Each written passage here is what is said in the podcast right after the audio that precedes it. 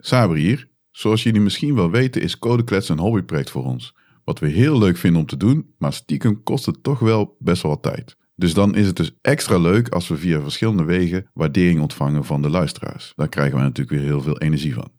Dus bij deze wil ik iedereen bedanken voor die waardering. Dit keer zou ik specifiek Eddie Penninghoff willen bedanken voor zijn steun via Vriend van de Show. Bedankt namens het hele Codeklets team. Nou, ik ga jullie verder niet meer uh, langer lastigvallen. Ga lekker luisteren naar de nieuwe aflevering van het nieuwe seizoen. En veel plezier daarmee. Later!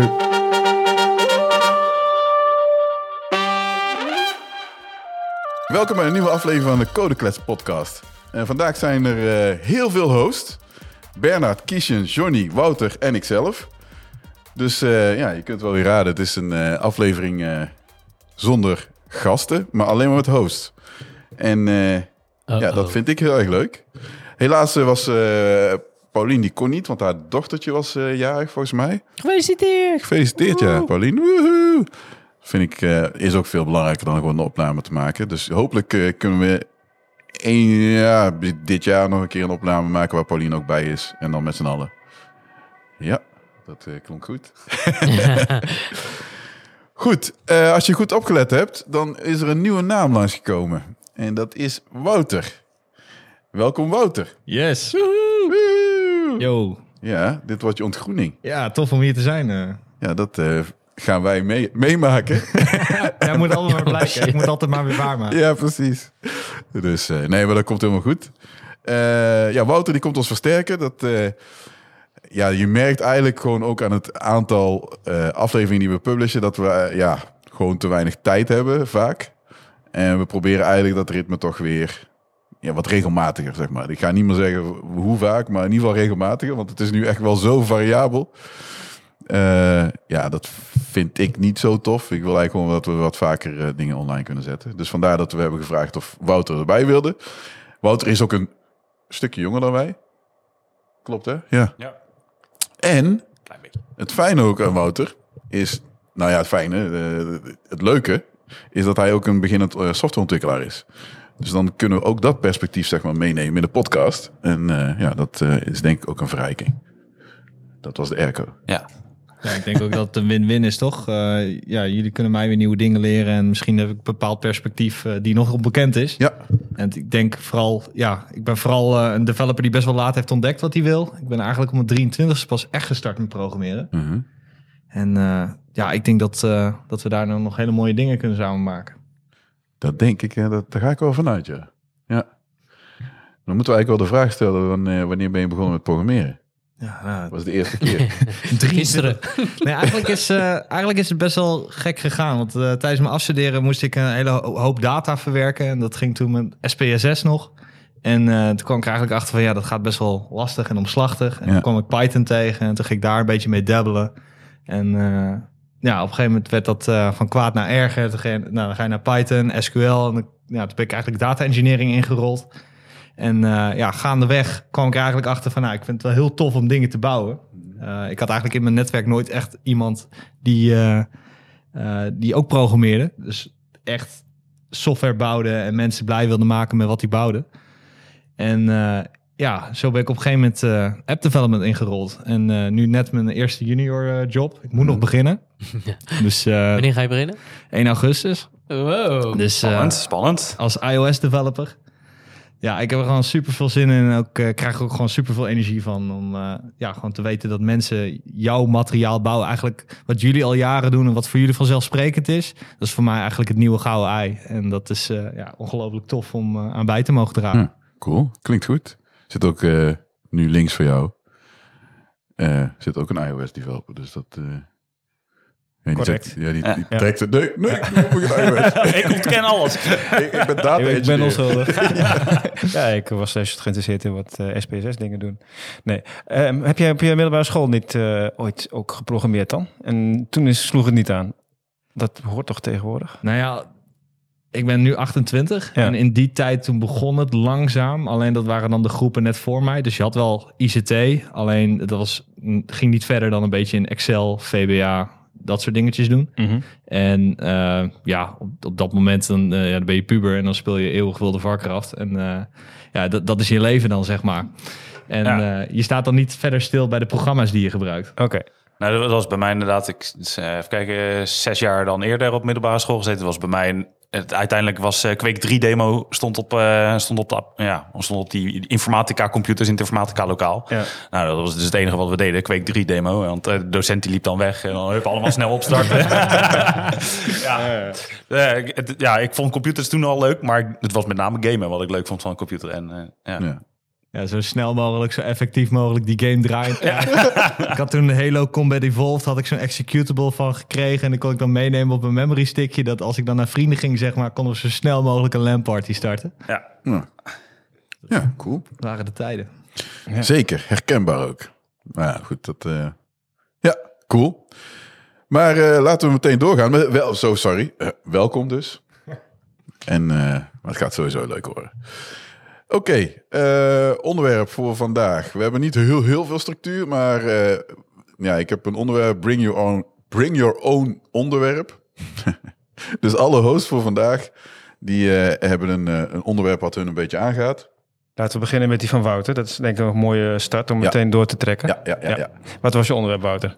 Ja, ik heb, eh, ik heb het een beetje dicht bij mezelf gehouden, omdat ik natuurlijk straks ga starten als junior. En eh, wat je ook al ziet, is dat, dat heel veel eh, websites en ook wel podcasts, die maken er een beetje een verdienmodel van. Van hoe kun je zo snel mogelijk starten als junior en, Mhm. en waar moet je op letten en vind een mentor. En je hebt er eigenlijk best wel veel, ehm, ja, best wel veel clutter in, best wel veel ruis. En ik ben eigenlijk een beetje benieuwd, omdat jullie toch al wat meer ervaring hebben. Eh, van ja, wat verwachten jullie zelf eigenlijk? Ehm, of misschien moeten we beginnen met wat jij denkt dat je moet brengen. Ja. En dan Ja. kunnen we... Ja, behalve koffie. Maar goed, de rest- Ja, eigenlijk ben ik een stagiair hier. ja, wat ik zelf verwacht.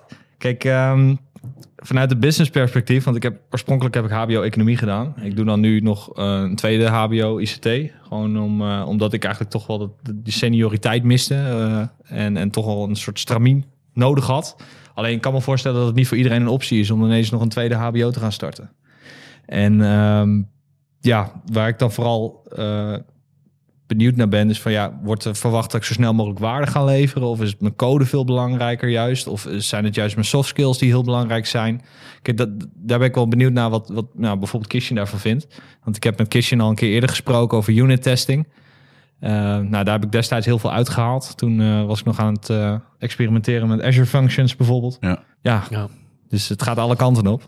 Eh, ja, ja en ja. Want je zei van, eh willen we dat je meteen productief bent? Ja, maar goed, dat, ja, tegelijkertijd, it depends. Ik bedoel, dat is niet...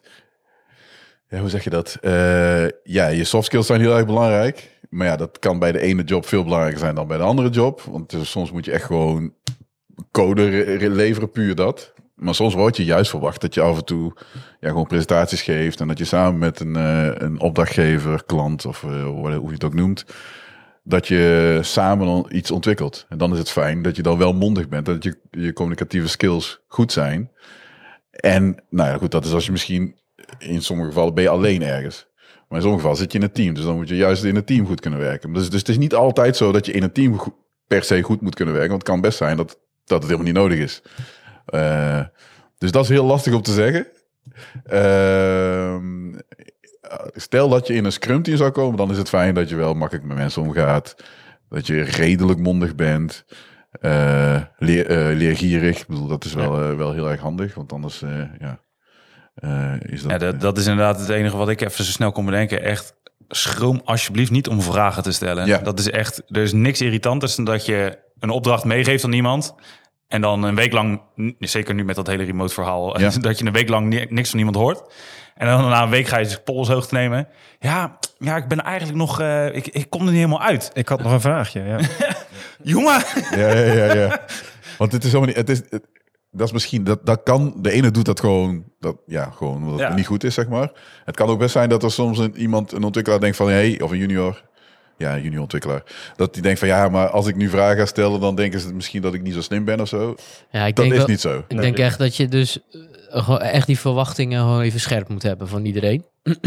Zorg er gewoon voor dat je team weet van, Ja. hey, eh, ik ga net starten, dus dat houdt in dat ik veel vragen ga stellen.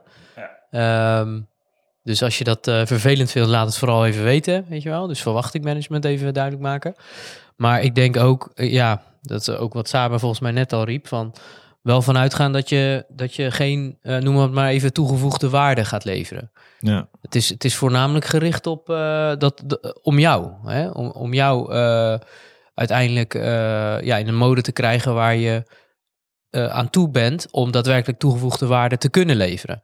En dat, dat is best wel een, een, een lange tijd. Dat, Want dat- dat, gaat niet wel- vanaf de eerste dag. Be- best wel krachtig wat je zegt inderdaad. Want eigenlijk om dit even samen te vatten voor, voor de luisteraar. Ehm, je hebt eigenlijk te maken met een soort van flexibiliteit. Een beetje chameleon zijn, want je moet heel veel wisselen tussen rollen. Ehm, zoals Johnny zegt, eh, blijf vragen stellen. En ja, ik ik denk wat, wat jij ook zegt, wees ook gewoon eerlijk naar jezelf toe.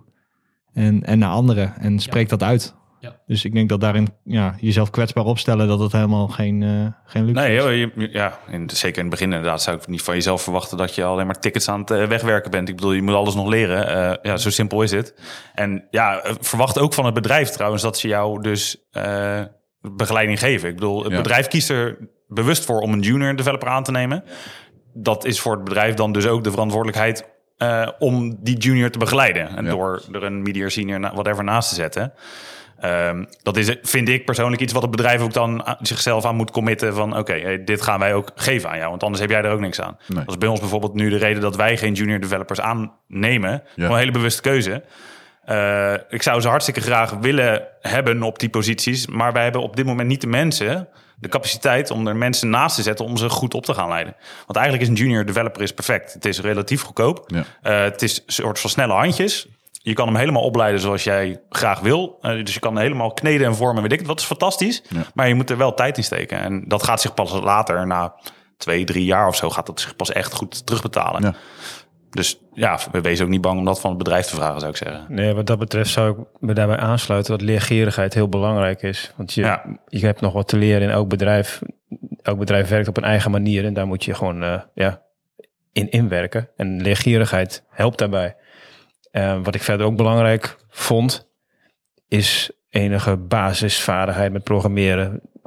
Maar als je door het eh, sollicitatieproces heen bent gekomen, dan moet je dat hebben. Want anders hebben- was die, was die procedure niet goed. Ja, ja. Want je, je komt ook mensen tegen die zeggen dat ze ervaring hebben en heel goed zijn, maar dan eh, na één keer code meelezen of meekijken, dan vallen ze dan toch door de mand. Ja, en als Ja. dat niet zo is, dan is, je, is je procedure niet goed. Maar ja, dat is heel vervelend, maar ik neem aan dat dat goed zit. Ja. Eh, en blijf, blijf leren en nieuwsgierig. Ja. En ja, laat het blijken door te praten en eh, interesse te tonen in, in, in wat je doet elke dag. Ja, en eh, wat ik ook wel leuk vind, want toevallig hebben we ook iemand in het team die is echt net, die komt ook van een andere industrie. Ik ben even kwijt waar. Volgens mij ook iets met financiële zaken, dus uit de economie. En ja, nu is hij heeft dus in zijn, in zijn vrije tijd heeft hij wel eens een keer een websiteje opgebouwd, vertelde hij, weet je wel, met WordPress en zo. En toen op een gegeven moment ook wat met JavaScript ook gedaan, weet je wel. En hij vertelde me ook dat hij een pipeline had gemaakt. Nou, dat geeft al een beetje aan van Ja. dat iemand dan echt daadwerkelijk geïnteresseerd is om die IT eh, echt daadwerkelijk gewoon in de vrije tijd te gaan leren. Dus zodoende hadden wij ook zoiets van, oh, dat komt wel goed, weet je Ja. wel, zo iemand. Ja, dat is echt duidelijk iemand die het gaaf Ja. vindt. Net, Ja, net uit- wat jij ook in het begin zegt van ja, het is echt eh, ja, in principe dat is hoe je als je een goede developer bent, zo denk ik dan altijd. Ja. Maar als je een goede developer bent, heb je echt zo'n soort van vlammetje Drang. van Ja. ik wil dit, ik wil dit beter. Oh, dit is vet. Ja. Wat? wat? Ik heb hier op drie dingetjes gedaan en nu werkt dit. Ja. Dus als je dat voelt, ja, Ja, dan, dat dan, is- word je een, dat- ja, dan ben je vanzelf leergierig in Die, IT. die intrinsieke motivatie Ja. is het misschien ook wel een beetje, weet je wel. Dat je Ja, denkt, het is ook al een beetje valkuilen, want dat merk ik dan bij mezelf. Want daardoor had ik vooral in het begin, ik heb echt een tutorial hell gezeten. Ik heb gewoon, ja. ik heb eh, op Datacamp heb ik 43 certificaten gehaald op Python en SQL en weet ik veel. Maar ja, hoeveel onthoud je daar dan van? Op Heb je ze wel allemaal op je LinkedIn gezet, want anders stel ze niet. Hè? Sowieso. nee, ik denk dat dat, dat dat is een tip die ik sowieso zou willen meegeven eh, aan, ja, aan mezelf als ik eh, terug de tijd in kon. Is van eh, pak gewoon even één taal, één ja. stack en Ja. probeer. Het is goed om andere stacks te verkennen. Dat begrijp ik niet verkeerd. Maar op het moment dat je ergens je werk van wil maken, is focus wel het belangrijkste. Want je hebt maar, ja, je hebt maar 24 uur in een dag. Ja. En ja, als je dan van, van Python naar SQL naar PowerShell, kijk, dat zijn dan weer scriptingtalen. Dus dan dwaal je eigenlijk een beetje af. Ja. Terwijl je eigenlijk wil leren programmeren. Ja, nou ja, ja. ja. En Ja, dat, dat type heeft, is alles goed. Ja, ik weet niet. Ik, ik, ik kijk na een tijdje, ga je, Ga je zeggen dat de tenminste vind, ga je vinden dat die programmeertaal eigenlijk zeg maar ondergeschikt is? Het is gewoon ja een tool. Of je nou een keer een, eh, een lepel moet gebruiken ergens voor of een eh, vork of weet je op die manier. Dus het is niet. Maar er wordt, er komt op, op op YouTube. Ja, gek genoeg krijg ik die heel veel voorgelepeld. Dan wordt er gezegd, ja, wat is nou de beste programmeertaal om mee te leren programmeren? Kijk, er zullen best wel talen zijn die niet per se heel geschikt zijn. Dat, dat ze gewoon best wel complex zijn. Of assembly zou ik niet mee beginnen. Of, eh, C. of C zou ik ook niet nu per se. En dat, dat- op zich kan dat ook nog wel. Maar ja, als je Java, .NET of de C-Sharp of eh, Python, whatever. Ja, eigenlijk maakt het niet uit. Eh, go your gang. Als je maar een beetje gaat leren van, oké, de- je gaat de structuren eh, herkennen, eh, de, de patterns, eh, ja, je werkwijze, dan, ja, er gaan wel wat, hoe zeg je dat, Eh, aanpakken in, inkomen die altijd een beetje hetzelfde zijn. Ja. Dus dat, eh, Ja, ja, je gaat leren praten, zeg maar. En dan Ja. de taal is meer dialect in welk... Of de taal, in- ja, letterlijk de taal in welke, in welke taal ga je dan praten. Het is een beetje, zo zie ik het inderdaad ook. Het is een, een tool om je einddoel te bereiken. En soms is het de, degene, de tool die je het fijnst vindt... Ja, past eigenlijk gewoon helemaal niet bij datgene wat je op dat moment op moet lossen. Ja, dan kan je beter ook maar gewoon uitwijken in plaats van dat je met, eh, met de achterkant van de schroevendraaier een spijker probeert Ja, de muur in te, rammen. Ja, Ja. Dat, op, een gegeven- weet je, op een gegeven moment moet je inzien dat gaat niet werken. Dat, Ja, is- ja, dan ja. kan je beter maar wat, eh, ja, een andere tool pakken. eh, Ja, ik, ben, ik ben ook wel benieuwd. Er schiet ineens een vraag ook eh, naar iedereen even in de groep eh, binnen. Want ik heb op school veel over objectgeoriënteerd programmeren geleerd, weet je wel. Ja. Eh, ja. ik weet niet in hoeverre jij, eh, eh, Wouter, eh, daar even bij stil hebt gestaan in jouw studie tot nu toe. Ja, Maar- nog steeds. Nog steeds, hè? Ja. Oké, dus dat is nog steeds wel een dingetje. Is dat Wat- ook wat- echt iets gegeven, weet je wel? Dat je echt moet weten om te kunnen programmeren? Nee. Ja, Hè, in anno 2 2022? weet je, ik vind die belofte van het object-georiënteerd programmeren, die, die is volgens mij nooit ingewilligd, zeg maar. Eh, dat je, die, dat je de, de, de concepten moet kennen, dat vind ik wel belangrijk. Eh, maar ja, er worden in zoveel object-georiënteerde talen zo slecht geprogrammeerd, zeg maar, volgens die regels. En dan alsnog go- redelijk goede software opgeleverd. Dus ik, ik, ik hecht er minder waarde aan. Ik, het is, als, het, als je het goed doet, dan is het echt super gaaf. Dan een soort van, ja, hoe zeg je dat? Een heilige graal, zeg maar, die je probeert te bereiken. En dan, dan, dan raak je dat bijna. Nou, misschien moet ik het niet objectgeoriënteerd noemen, maar eh, software development, eh, patronen, eh, Ja, ik denk, weet je wel? eh, ik denk wa- wat je zegt over het objectgeoriënteerde, dat de separation of concerns, Ja. dat, dat idee wat je daar aan overhoudt, dat is gewoon een belangrijke. En eh, zo heeft elk paradigma wel wat dingen die gewoon op alle gebieden belangrijk zijn. Misschien En weet jij dat nog, bedoel, Vroeger kreeg je zeg maar eh, wat ze noemden functionele decompositie, zeg maar. Mhm. Dat had helemaal niks met OO te maken. Nee. Dus je kreeg gewoon van je ging een, een, een vraagstuk of een, een, eh, een, ja, een stukje software of nee goed. Die ging je uit elkaar halen, zeg maar, om, om kleinere brokken werk van te maken, als het ware. Eh, en dat is bij OO in principe ook. En dan had je die eh, eh, separation of concern. Ja, lijkt er eigenlijk best wel op, zeg maar. Dus op zich komen er dingen terug.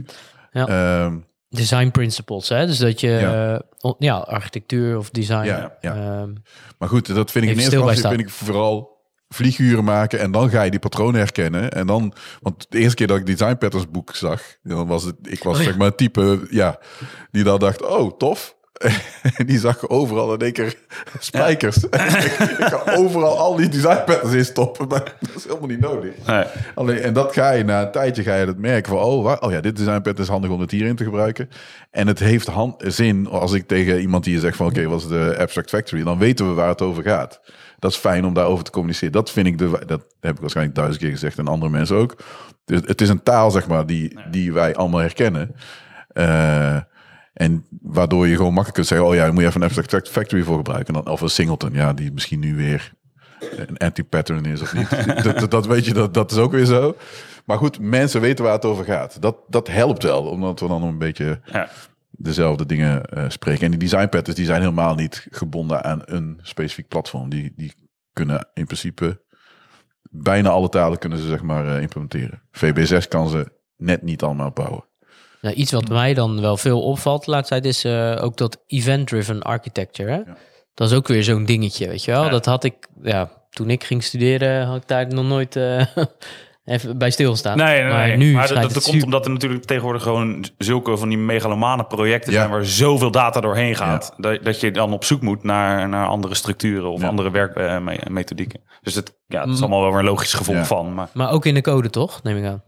Ja, ja, ja, Ja. Maar het, is, het, het, het kan voor een, een, een junior overwhelming zijn. Dat, Ja, dat is het Dat onderwerp. is wat ik even wilde zeggen. Ja, dat is het onderwerp wat we eerder misschien eh zeiden vooraf, zei je dat ook, eh, Wouter, van dat het.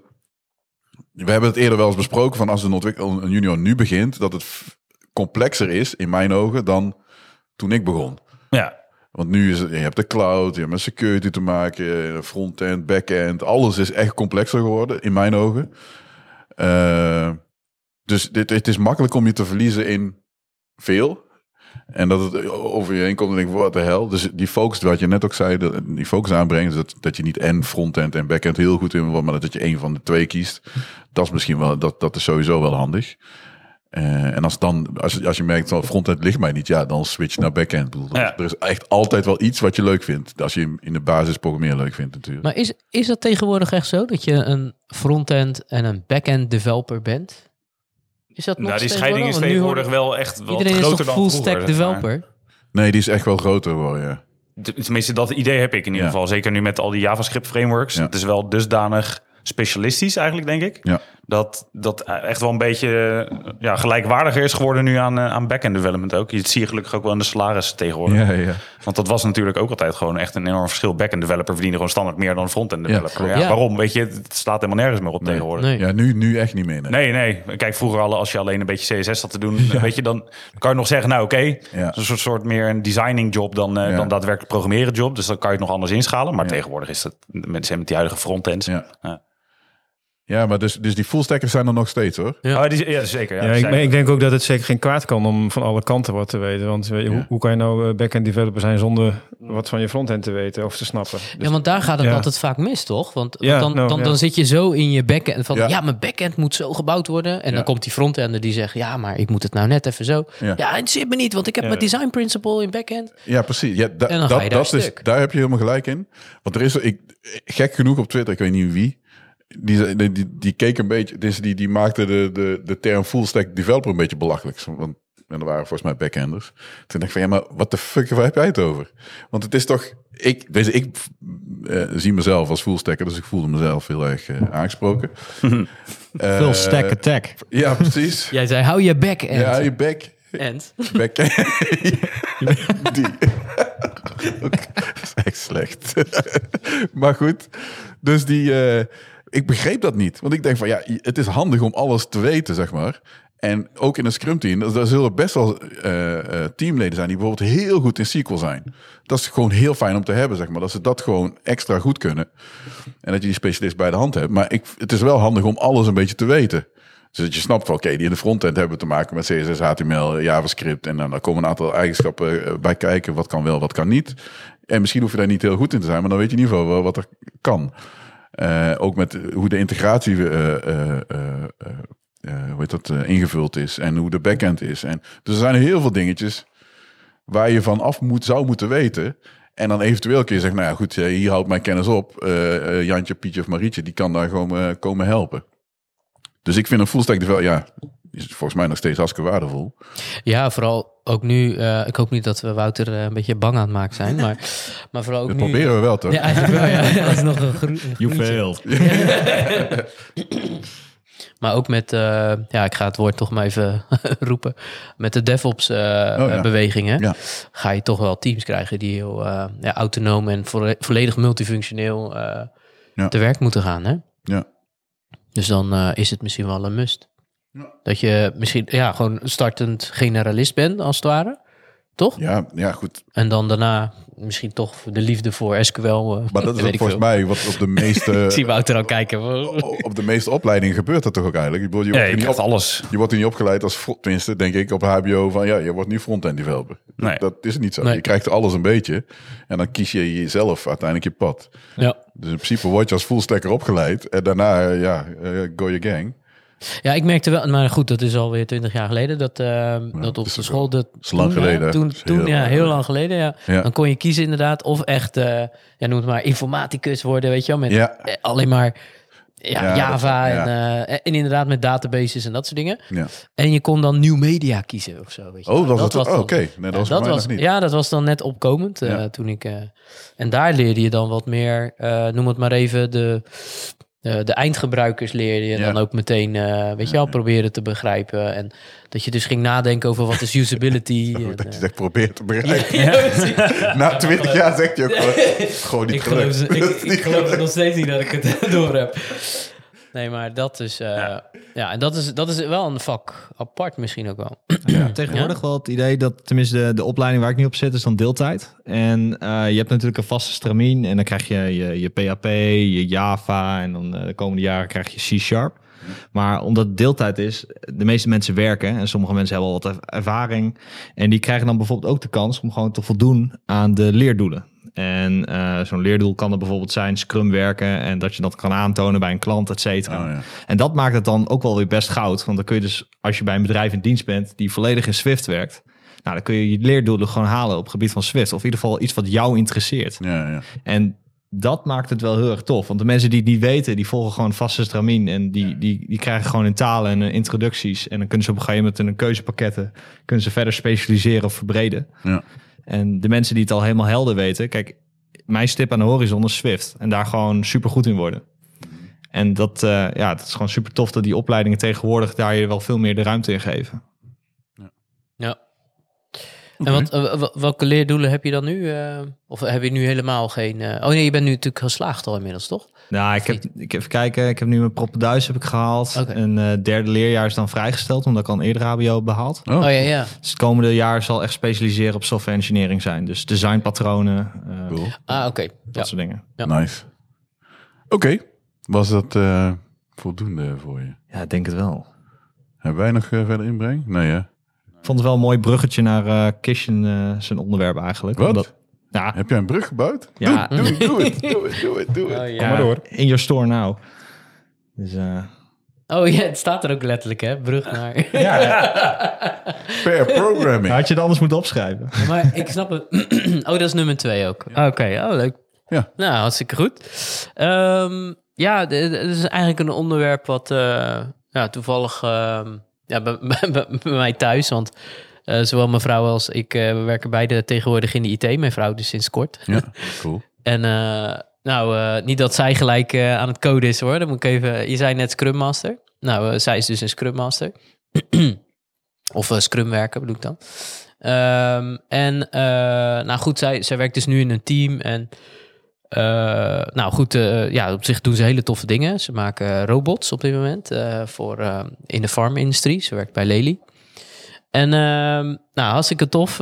Alleen ja, wat je merkt is dat de product owner in dit geval, die, die vindt het lastig om te zien dat het team struggelt met flow.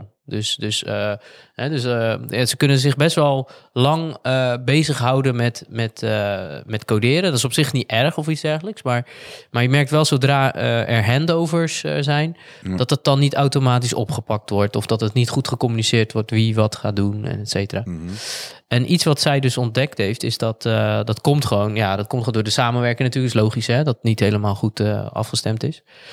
En iets waar ze achter is gekomen is dat eh, ze vinden het ook, ja, ze werken veel remote. Ehm, iets waar ze achter gekomen is, is dat niet iedereen het even leuk vindt om eh, samen aan iets te werken. Weet je, aan een stuk code of. eh, en ik, ik, ik dacht, hey, misschien een interessant onderwerp. Om, ik ben ook vooral nieuwsgierig naar jullie mening. Ja, hoe zien jullie dat? Hè? De, ja, jullie werken toch de afgelopen paar jaren veel remote. Ehm, hoe, hoe is jullie het afgegaan eh, als jullie samenwerken? ehm, en vooral in een pair programming sessie. Hè? Is het, is je, het- je bedoelt met name per programming, want samenwerken Ja. moet je altijd als je in een team werkt. Nou, Dus ik dat is niet, niet het probleem wat zij signaleert. Nou, ja, nou, dat is wel een goede, ja, is goed, een goede opmerking die je maakt. Want inderdaad, je moet altijd samenwerken. Ja. Hè? Want het stukje code wat je bouwt, dat moet gereviewd worden. Dus dat moet iemand anders naar kijken, Ja. et cetera, et cetera. Alleen, eh, waar denk ik die product owner een beetje, ja, Ja, nou, eh, wat, wat, ik gewoon constant observeert, is dat de communicatie tussen die verschillende stapjes, dat dat niet altijd even goed gaat. Waardoor heel veel stories te veel, weet je wel, eh, opstapelen, te lang ook opstapelen, omdat iedereen van het ene naar het andere springt. Snap je wat ik bedoel? Dus dat Ja, dat snap hè, je werkt eerst aan een hoe lang zijn eigen- die iteraties dan bijvoorbeeld? Want, drie weken op dit moment. ja. Dat is ook misschien een dingetje, maar goed, dat is even aan hun. Maar dan nog, hè, dus eh, eh, dan ben ik wel nieuwsgierig Ja, van ik- hoe, hoe, wat is hier een beetje de mening over het daadwerkelijk, weet je wel, gewoon online ook met iemand, eh, ja, gewoon een hele dag aan een stuk code werken of een, een stuk probleem waar je ze mee. ja. Ja, het, het is, het is een beetje een soort tweeledig, denk ik. Inderdaad, wat je zegt, dat hele remote werken is ook echt wel een uitdaging. Dat was ook toevallig mijn, eh, mijn, mijn eigen punt eh, voor straks. Dus daar kunnen we straks mooi op doorpakken. Maar Weer een mooie brug. het is inderdaad... eh, het is een enorme challenge wel. Dat, eh, eh, ja, vroeger kon je bij elkaar een soort van de deur platlopen op, op kantoor. Nou had dat natuurlijk ook wel weer zijn nadelen. Want je kwam geen uur aan werk toe als je pech had op zo'n dag. ja, Dan, maar het is een beetje, ja, per programming aan, aan zich, zeg maar, als het echt gaat over per programming. Ja, dat, dat kan in mijn optiek echt een fantastische tool zijn. Hm. Ehm, ik heb denk ik de meeste dingen geleerd door met iemand soort van samen te programmeren, mee te kijken hoe hij of zij eh, iets, eh, iets deed. Dat je ook echt gewoon een ander perspectief meekrijgt en dat je ook de gedachtegang van iemand anders dan ziet. Eh, dat was voor mij wel een soort eye-opening over bepaalde dingen. En dan, ja, soms doet iemand ook iets en dan denk je, hè, wat gebeurt hier nou? Weet je wel, wat, wat, wat de hel doet diegene? ja. En nou, als je dat dan vraagt, dan denk je ineens, ah, oké, een soort van epiphany, zo'n zo, lightbulb moment. Wat dan gaat, denk ik dus dat per programma super waardevol kan zijn. Ja, of dat hier de oplossing is, ja, dat durf ik ook niet te zeggen. ja.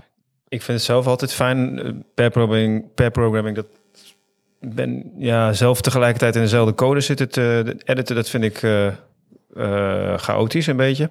ik vind het wel in, fijn. In mijn geval zou het dan meer zijn dat je meekijkt inderdaad Ja. met iemand. En dan een Ja. soort van dat je eh, zegt van... hé, hey, je, je mist daar nog een end of zo. Of Ja, ja, zoiets nou. st- stomzinnigs. Dat je een soort van Ja, dat vind ik, directe... eh, Directe feedback. Directe mer ja, merge request Dat nakijken. eh, vind ik op zich niet erg, maar ik, ik vind het fijner om even uit elkaar te gaan en dan weer terug te komen. En eh, vooral als het code is die heel belangrijk is, die je samen deelt eh, of op heel veel in, in, zeg maar in je framework zit.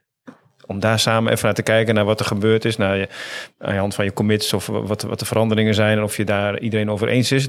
Die feedback is eh, waardevol. En dan kan je weer uit elkaar om hetzelfde, om, om, om je eigen weg te gaan bij de volgende features waar je in je eentje wel uitkomt. Hm. ja. Dus eh, ik vind het fijn om eh, af en toe zeg maar, weer terug bij elkaar te komen, te meeten over wat er gedaan is. En dan hup, ga je weer ieder zijn eigen weg tot je weer eh, ja, de feature af is. ja. Dus per programming zelf niet te vaak. als, ik, als ik het eerlijk mag zeggen. Ja, eh, eh, waar, eh, waar ligt het dan aan, denk jij? Eh Ook focus. persoonlijk, hè, voor jezelf? Geen, geen oordeel verder trouwens, want nee, iedereen maar heeft ik- zijn eigen werkwijze. Als ik eh, in mijn eentje ergens aan zit, dan maak ik meer meters. En- maar dan is er daarna wel weer even tijd of behoefte aan om het samen te bekijken. Maar ik kan denk ik meer meters maken in mijn eentje. Eh, of dingen waar ik toch wel uitkom, waarvan ik ook weet van ja, dat komt wel goed. Maar als het echt kritisch is, dat het eh, heel belangrijk is voor alle andere, alle onderdelen van je project, ja, dan wil ik graag eh, een tweede stel ogen erbij hebben. Ja, Ja. Wat, wat ik bedoel qua per programma is inderdaad ook niet dat ik zou zeggen... ik wil altijd alleen maar per programma Nee. hoor. Dat is zeg maar dat eh, XP eh, Ja. pa- paradigm wat ze, wat ze daar toen hadden Ja. en zo. Dat, dat doe ik niet. Maar ik, ja, ik vind zo'n per program sessie van, weet ik, een half uurtje of zo af en toe even tussendoor. Ja, ja. Daar kan ik echt super, super veel van leren. Zeker Mhm. als, je, als je gewoon bijvoorbeeld in mijn geval is dan vaak dan ben ik met iets bezig wat ik, nou, waar ik het fijne niet van weet. Nou, dan kijk je even mee met degene die dat wel weet. En dan kan je gewoon direct vragen stellen over alles wat er gebeurt. Dat, dat red je zelf in een dag niet, al, al zou je alle code gaan lezen. Zeg maar. Dus dat is. eh, En eh, hoe, ehm, hoe is jullie teamsamenstelling eh, op dit moment? Is dat, eh, hè, want eh, kijk, dat heeft ook te maken van hoe groot het team is. Ja. Hè? Want sommige teams die zijn echt letterlijk max. eh, Ja, ja. ja.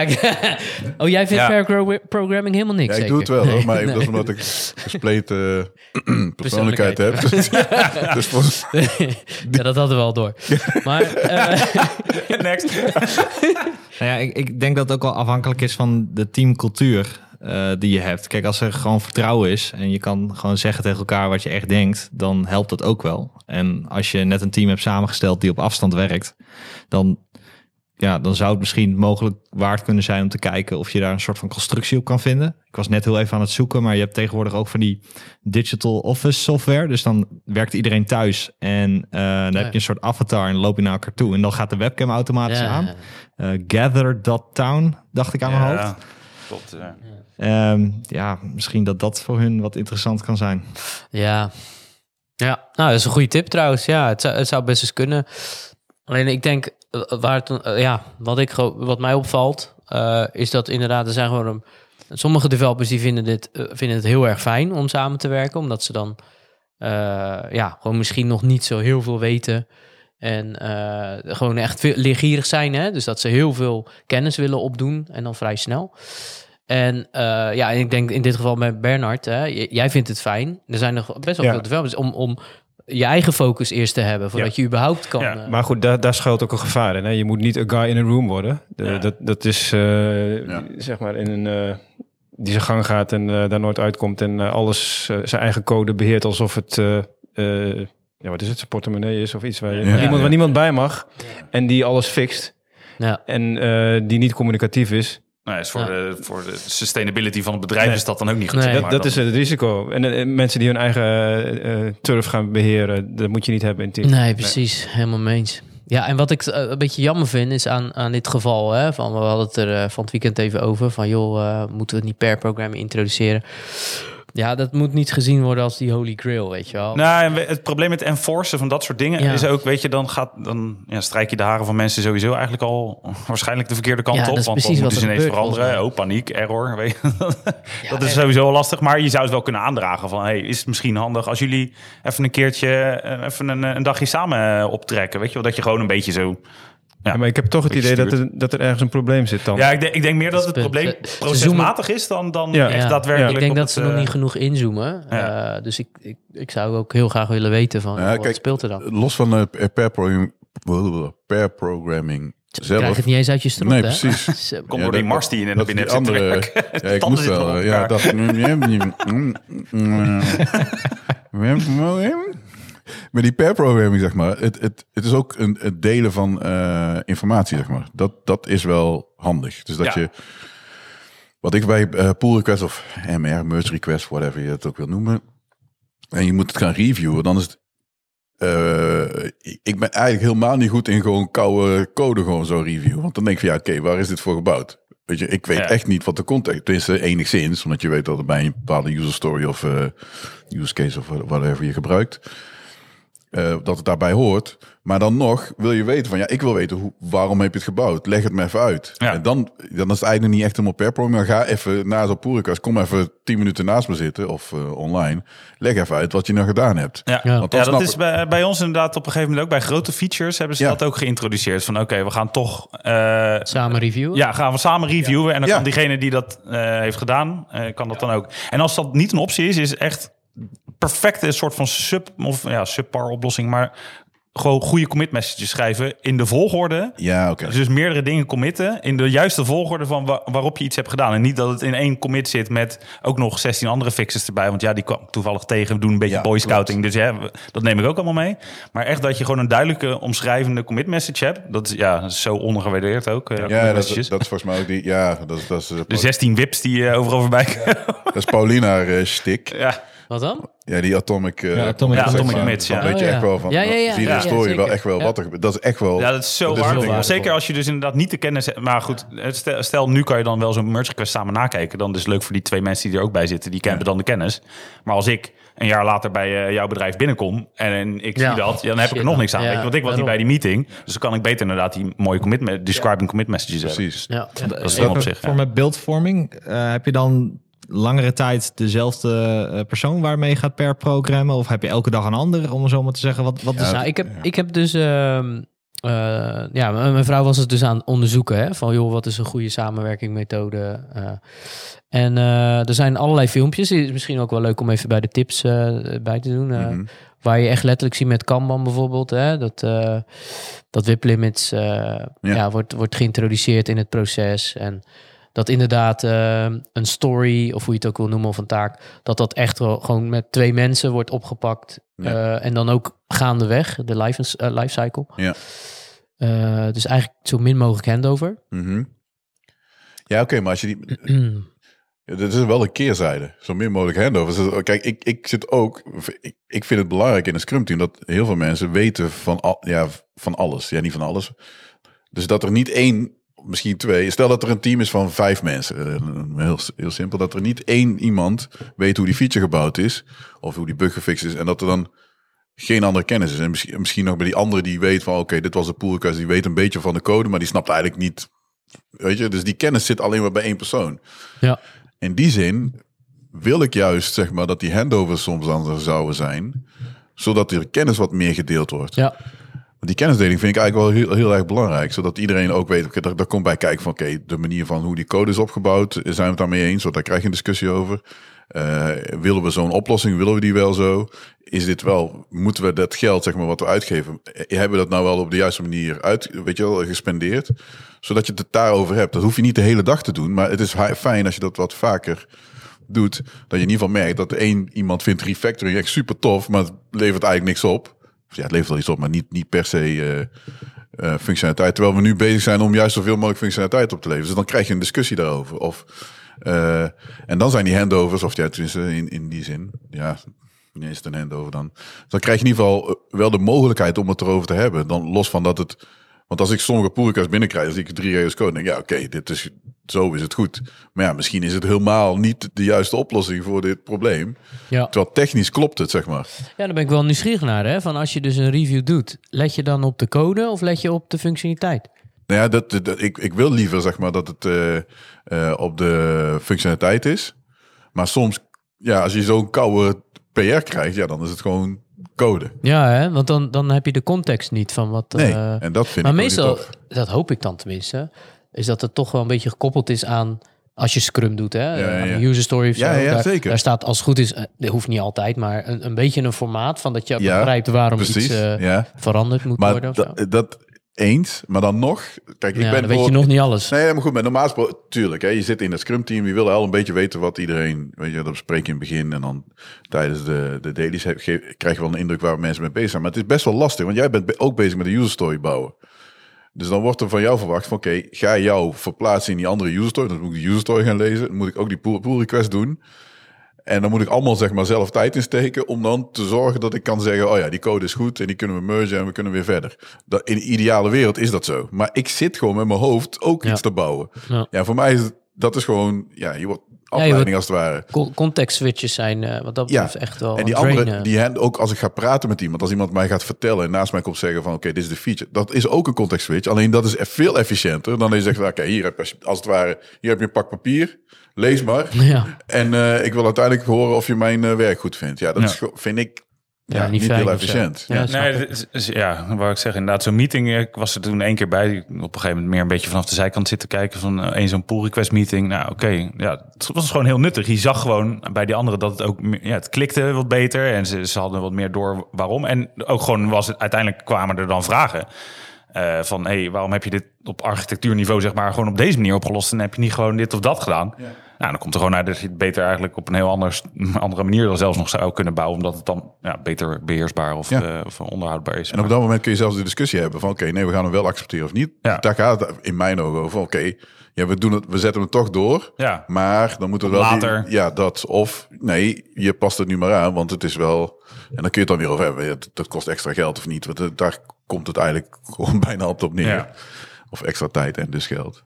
Ik heb ook wel eens een keer in een, zo, dat boek moet ik dan even opzoeken, maar, eh, of ergens een blog. Van dan hadden ze het over story champions. Dus dat er dan altijd één iemand is die Ja. dan de story helemaal vanuit, eh, weet je wel, development en dan Ja. wel per, eh, parent, hè, dus, Ja. dus altijd met iemand meegaat. Mhm. Dus de een, hè, dus die is de probleemeigenaar. En dan neem ik bijvoorbeeld, ik neem even Jo- eh, Johnny neem ik even mee, weet je wel, in het bouwen van de story. Ja. Dus dat doen we dan ook wel samen. Mhm. Hè, dus samen achter de computer of eh, remote. En dan bouwen we het. en dan zeggen wij gedag. zodat jij weer met je eigen story of iets anders weer door kan. Eh, en dan pak ik iemand anders weer mee. Ja. Om eh, die samen die review te doen. Ja. En dan, als dat dan goed is, eh, of niet goed, dan gaan we weer terug, weet je wel. Dan eh, gaan we even met Johnny weer Zou zo'n soort bijna hands-on product owner zijn. eh. Ja, Story Champions eh, Ja, ja, noemen, ze, precies, de- ja. noemden ze dat. Hè? Dus dan, dan ga je door het proces Ja. heen, eh, maar dan wel altijd met één vaste kern. Ja. En dan neem je wel iedereen mee. Ja, die, oké. eh, Ja, ik, ik, ik ken de term niet, maar dat, het, volgens mij heb ik het één keer meegemaakt dat er wel echt een aantal mensen had die echt gewoon helemaal dat deden. Ja, het, zo, het werd zo niet genoemd. Ik weet niet eens wat de titel was van die persoon. Maar ja, het is wel nuttig volgens mij, ja. Ja, want dan heb je in ieder geval, weet je, dan heb je een beetje best of two worlds. Hè? Ja. Dus dat je, dat je toch nog die kennis kan Ja. eh, bewaken. Ja. In je team ook. Want dan heb je in ieder geval drie mensen in je team eh, eh, over het. eh, ja. of misschien wel meer. Eh, hangt een beetje vanaf wat je wil doen. Kijk, met, met alles wat, wat gewoon een nadeel is, is dat programmeurs willen programmeren. Dat is echt, ja, dat is het dat voordeel zei en een nadeel. Ja. Ik zei ook van, joh, het zijn gewoon een stel. Ja, Ja. ik ook. Ik bedoel, ik, eh, Je wil gewoon met ik wil niet met dat proces bezig zijn. ja, ik wil dat- gewoon dat ja, het goede code is. Documentatie schrijven doe ik niet aan. Mijn Nee, code is de documentatie. Ja, dat.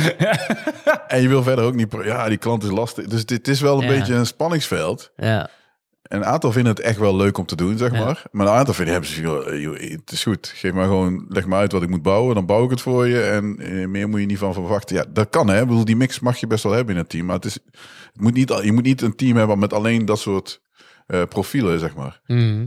Dat, ja, ik heb ook vooral even teruggekoppeld van, eh, joh, welk probleem ben je nou echt aan het oplossen? En weet je waarom je dit wil? ja. En dat is ook nog niet helemaal duidelijk hoor. Nee, oké. Dus Misschien elkaars verwachtingen uitspreken, dat dat ook wel helpt. Van wat, wat vinden zij zelf beter werken? Ah, het- eh, weet je wat ik dan grappig aan deze hele situatie vind? Is dat het team zelf er niet mee kwam. Het was echt van buitenaf. Ja, oké. Dan denk ik ook, dat is ook smelly, toch? Ik bedoel, Ja, klopt. Dus dan wil je iets communiceren, maar je zegt het niet. Maar je denkt van, ja, per programma, dat, ja, dat vinden ze misschien wel leuk. Ja, Om de efficiency te verbeteren. ja het, is, het, is, het is goed en Zeg, slecht. dan Want, gewoon, zeg dan gewoon van, joh, je gaat, jullie gaan niet snel genoeg.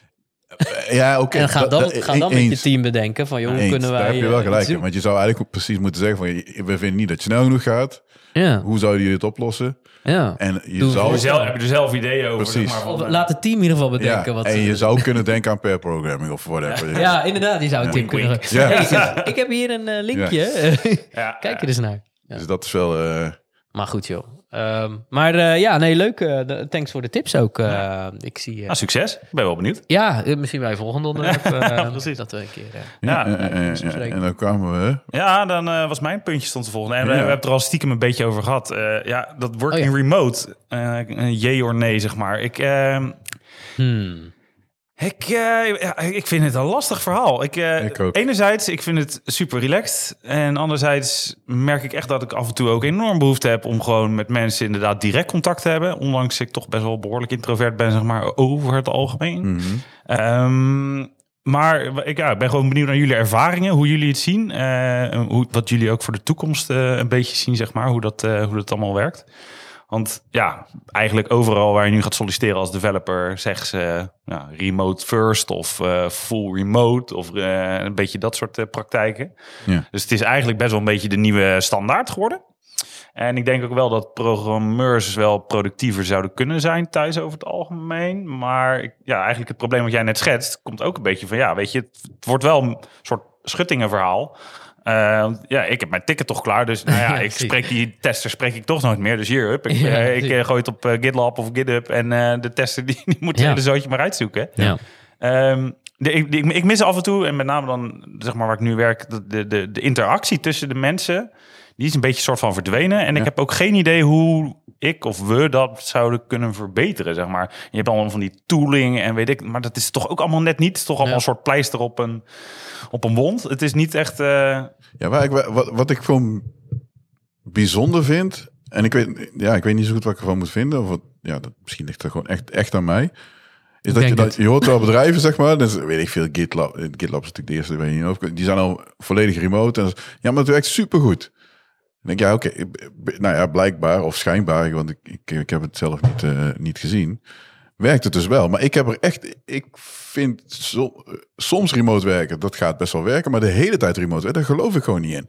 Want ik denk echt dat je gewoon af en toe elkaar moet spreken. En gewoon bij een whiteboard staan. En dan heel snel hè, schakelen. Eh soms, want kijk, met het, wij, ja, wij gebruiken Teams. Stel dat je dus even iemand wil spreken, een Teams meeting even in, dan, dan daar zit een drempel op, zeg maar. ja. Terwijl als ik naast jou zit, nou goed, iedereen kent mij, een aantal mensen die, met mij gewerkt hebben, die zullen wel zeggen, ja, je stopt me te vaak. Maar voor kleine dingetjes... Hallo! Ja, precies. Ik snap het niet. Ja. Dus, dus stel dat je even denkt van, hé, hey, maar wacht even, welke eh Dockerfile gebruiken nu? Weet je, dat is gewoon, Ja. kan iemand in, in een split second kan het beantwoorden.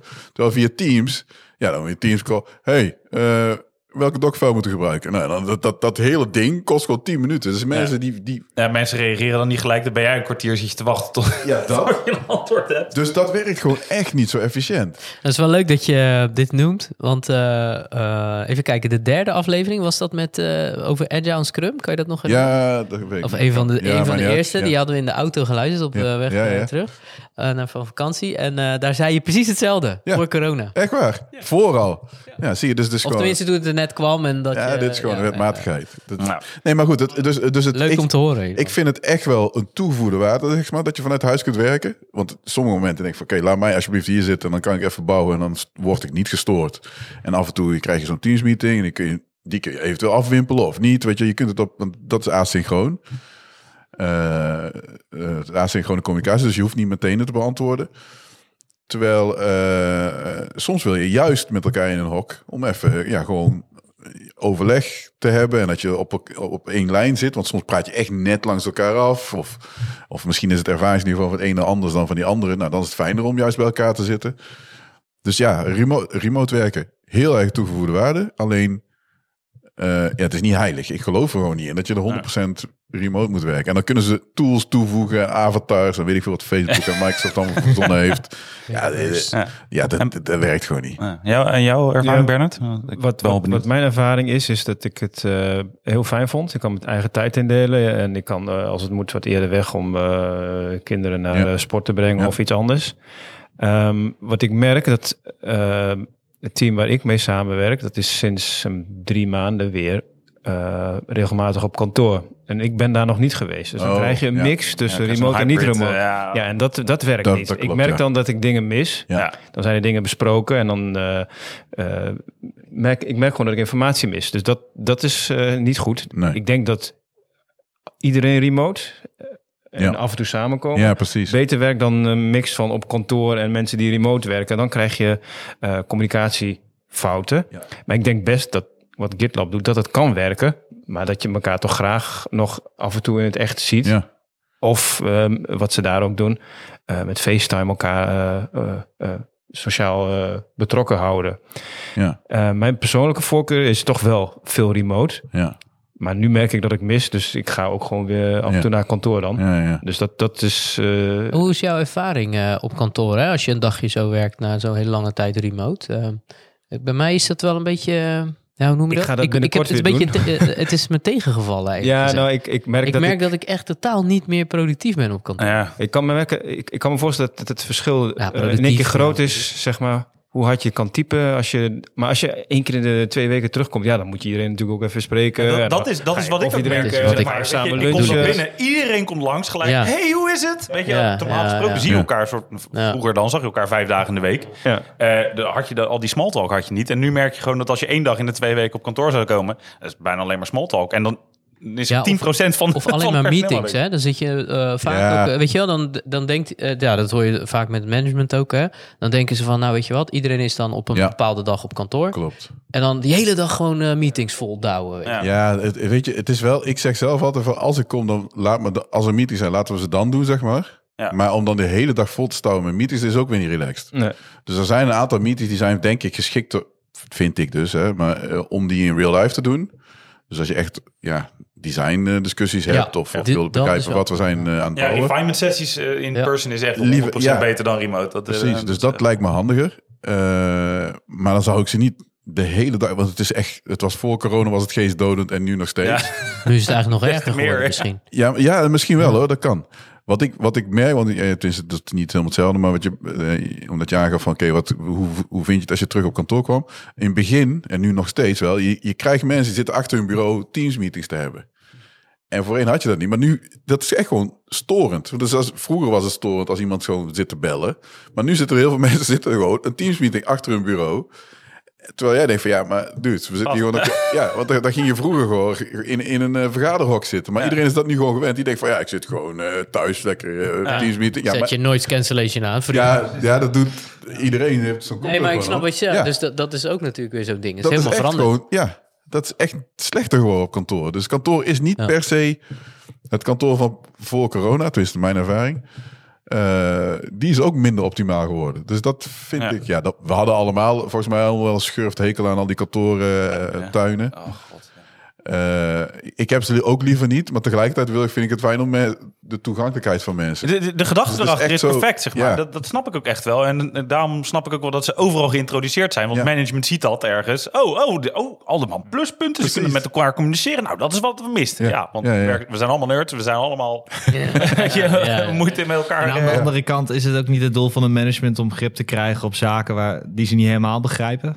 En Nou, geloof me. Ligt ik- aan management, ja. Ja, inderdaad, dat gebeurt vaak hoor. Nee, want, want even om, om een kanttekening te maken van, eh, je pakt nu eigenlijk twee extremen natuurlijk van helemaal remote of Ja, helemaal ja. op kantoor. En ik denk eigenlijk dat het alleen maar werkt als je de extreme weghaalt. Dus als iedereen in een team af en toe thuis werkt, af en toe op kantoor werkt, dan werkt het. Maar wat krijg je? En dat is nu denk ik de, de uitdaging die op dit moment ligt, is je hebt een percentage mensen die willen heel veel thuis.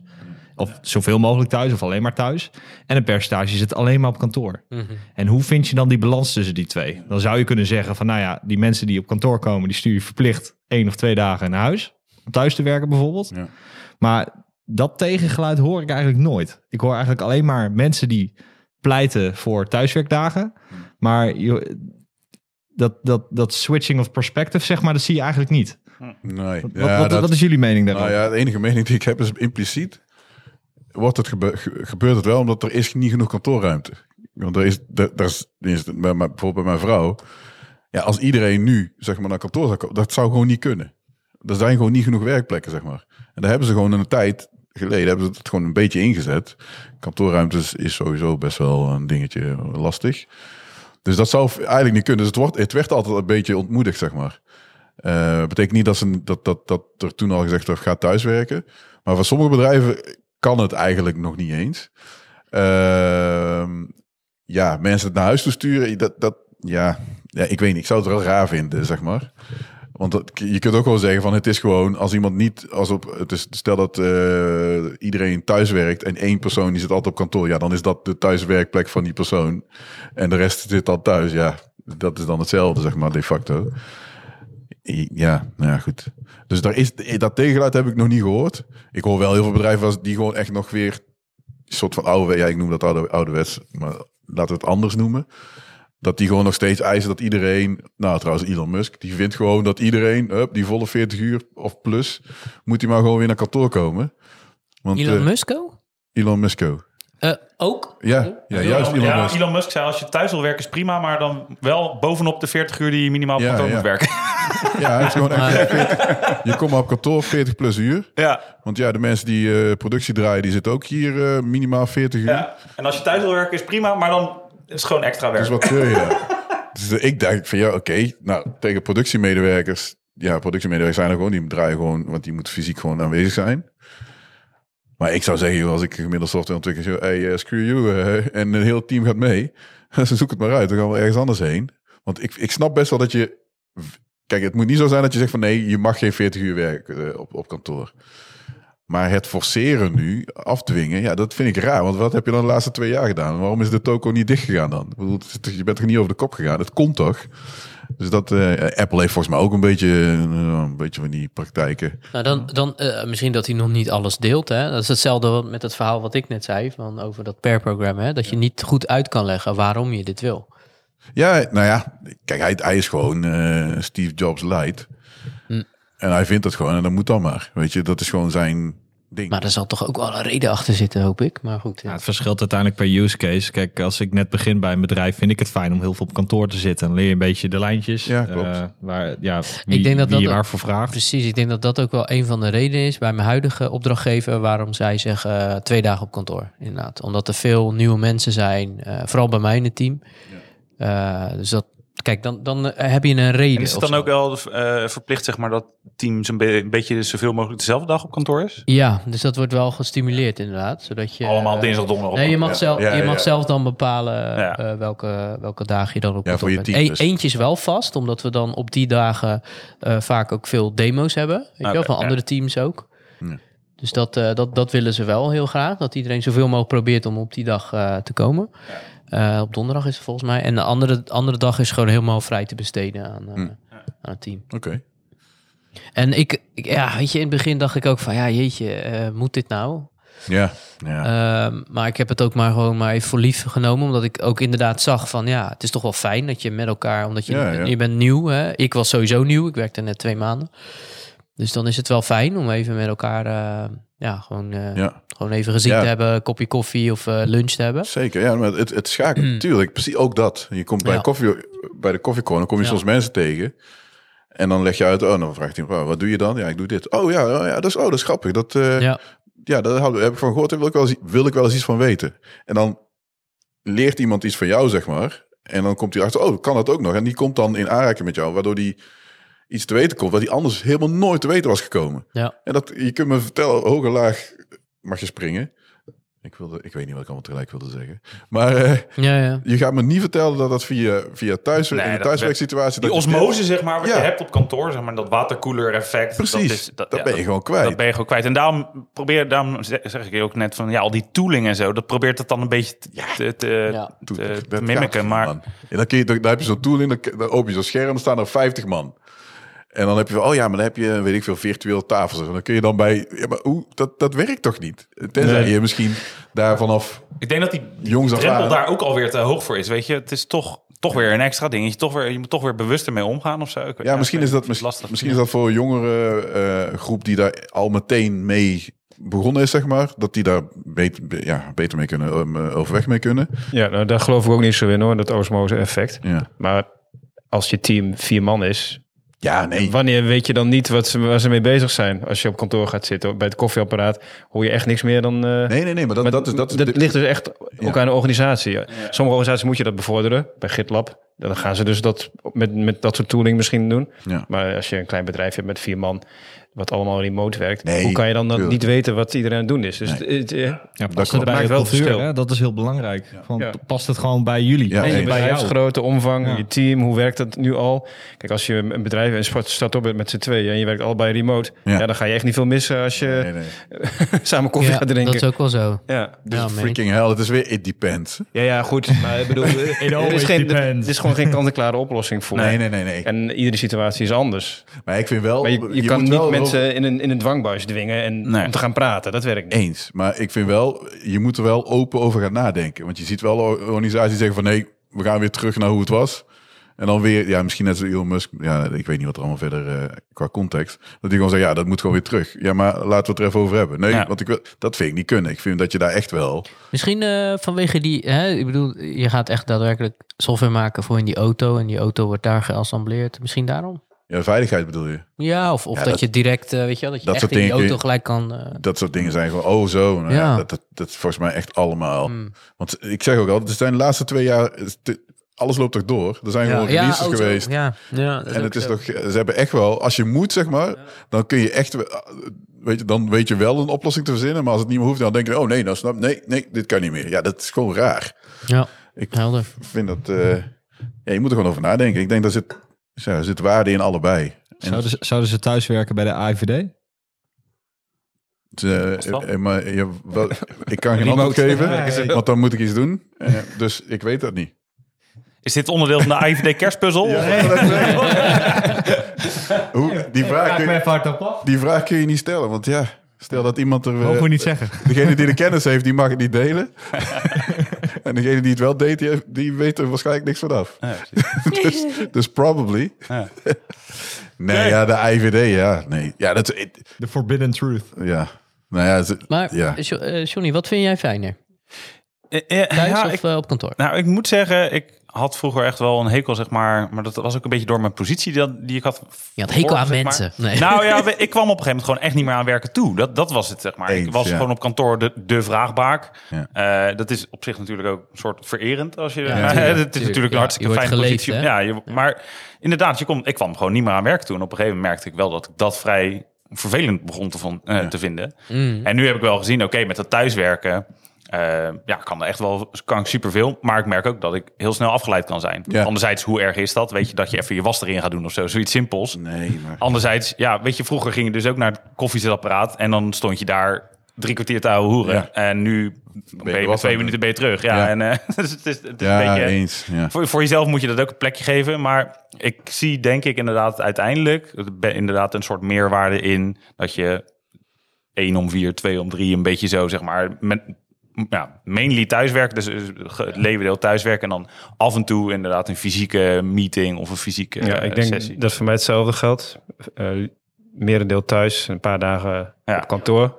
Hey, maar ik merk ook dat ik tegen de reistijd, dat het echt eh, net zo lang is als vroeger, maar het lijkt, ik kijk er meer tegenop, gewoon geen zin in. Ja, dat snap ik. Ja.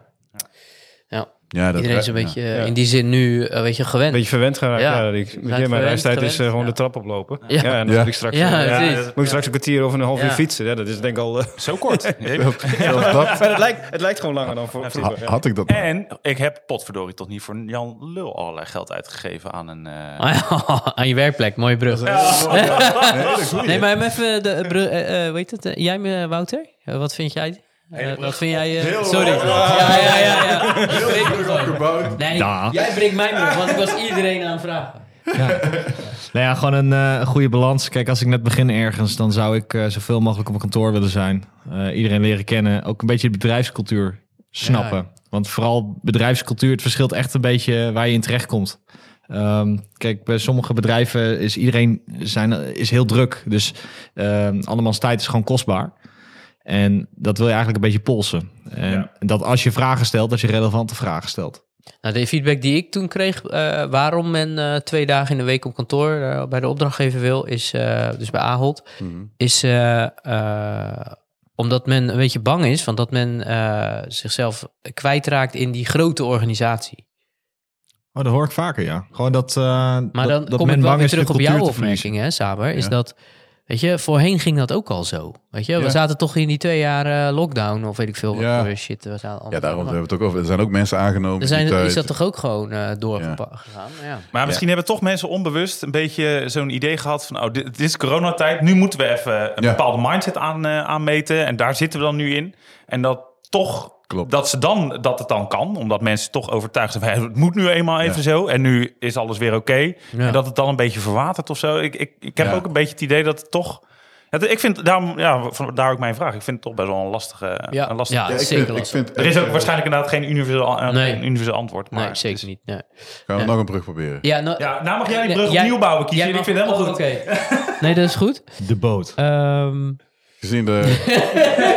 hey Saber, eh, hoe zit jouw inrichting van je werkplek eruit? nou ja, om aan te sluiten op wat je, die, die brug was heel erg goed. Omdat je, ja, je wil optimaal werken. En op kantoor zijn er dingen, nou, je ziet, nou, je ziet het dus net niet. Maar eh nou, wordt alle, allerlei faciliteiten voor, worden voor je eh, eh, aangeboden, worden aan je aangeboden. Om eh, zo optimaal mogelijk te werken. Dat is het idee in ieder geval. Nou goed, we we hadden het net over die eh kantoren. eh, hoe heet ze? Tuinen. tuinen. Ik wil dat de eilanden zijn, maar dat, dat bedoel ik. De tuinen. ja, er zijn eilandjes bij. Maar goed, dat is natuurlijk niet optimaal. Maar goed, je krijgt een, een bureau, je krijgt een stoel, je, bla bla. Nou, en nou zijn we de laatste twee jaar, hebben we dat allemaal thuis geïnvesteerd. Ik bedoel, ja, ik heb ook serieus wat geld uitgetrokken om dat in te gaan richten. Eh, wat ik ook heel leuk vind trouwens. Ja, ik ben er heel blij mee. Maar Ja, ik ben er ook blij mee. Maar dat, dat is wel, maar dat is per bedrijf is dat anders. Want het ene bedrijf die zegt van, oké, alsjeblieft, hier heb je een budget. Want ja, Arbo-regels, want daar kun je ook nog in principe op terug. Ik bedoel, als je echt een asswipe bent, dan kun je echt wel zeggen van, hé, hey, luister, ik heb last van mijn nek en regel maar dat alles. eh, Ja. Maar meestal hè, doe je dat in samenspraak. Eh, en er zijn ook volgens mij de, de vergoedingen, zeg maar, voor ja, het stroomverbruik en, en, en de koffie en zo. Dat mag je, de, de werkgever mag je dan twee of drie euro per dag of ja, zo. dat is nu sinds eh, Vorige maand Vorig- of zo? Of ja, of mij. dit Oh, ja, ik dacht zo, ja, redelijk recent. Thuiswerkvergoeding is, Ja. is nu inderdaad belastingtechnisch... eh Ja. ja, op zich snap ik dat ook allemaal wel. Maar goed, die werkplek die moet wel goed ingericht zijn.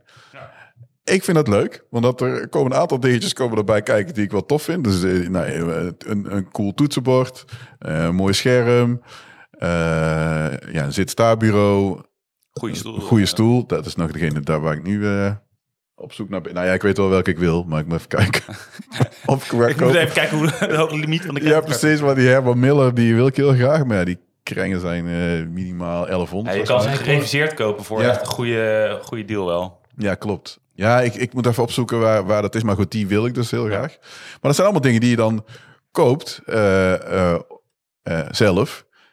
En ja, ik word er heel blij van. Ik, ja, ik ben er nu eigenlijk mee bezig. Letterlijk gisteren heb ik mijn uh, zit-sta-bureau in elkaar geschroefd. Eh, nou, dan moet ik nog een stoel hebben. En eh, ja, ik, kan, ja, ik vind het wel gaaf. Want dan heb je echt precies het ingericht zoals jij zelf wilt. Terwijl op je, nou, net als hier bij ons, is het echt wel goed. Alleen sommige dingen denk je van, oké, ik wil het net wat anders. Maar dan krijg je natuurlijk discussie van, ja, maar luister, we gaan niet voor iedere persoon alles helemaal customizen. Uh, en, want ja, dit is een kantoor waar iedereen moet kunnen werken. En dus, je hebt niet echt per se vaste werkplekken. Terwijl thuis kun je het gewoon maken zoals jij wil. Dus dat vind ik eigenlijk wel heel erg fijn. Dus ik, stiekem vind ik het eigenlijk in die zin, los van met, met mensen werken, vind ik het thuis echt veel efficiënter werken. En ik heb ook een desktop in plaats van een laptop. Het ding is gewoon duizend keer zo snel dan, die, dan nou, de M1, durf ik niet te zeggen. maar ze zijn gewoon snel. Ja. Uh, Gebruik je ook een dock? Nee. Nou, ik gebruik deze laptop niet thuis. Oké. Okay. Mijn desktop is gewoon mijn uh, dev-machine. Mm. Uh, ik, ik zweer echt bij een dock. Ik, ja? heb, uh, ik heb tijdens de coronacrisis heb ik eens een keer geïnvesteerd. 200 euro in zo'n dock, zeg maar. Ja. En uh, het is niet alleen voor jezelf handig, want ik kan dan wisselen tussen mijn laptop tot, me, tot mijn desktop. Um, maar mijn vrouw die kan ook gewoon werken. Die kan gewoon in één keer met USB-C inpluggen en je bent gewoon klaar. Ja. Gewoon alle hardware gaat over met één kabel. En ja, dat is op zich, kan dat bij mij wel. Ik heb, niet, ik heb wel die monitor, zeg maar, die dan uh, met USB opladen, met USB PD, toch? Ja, power delivery. Power delivery. Uh, omdat ik, zeg maar, ik had, dit is al twee jaar geleden volgens mij, het idee om dan een MacBook te uh, krijgen, vragen voor mijn werkgever. waar dan USB-C op zit. En dan kon ik up, dokken en gaan met de banaan. Alleen uh, toen kwam, kwam de M1. Dus er zit nog een uh, x64, x86 uh, Intel Mac. en daar kun je Windows netjes op virtualiseren. En dan kan ik Visual Studio goed gebruiken. En ja. dat is dus mijn, het lastige zeg maar naar de, naar de nieuwe Mac. Want volgens mij, nou ja, ik hoorde laatst dat het wel kan.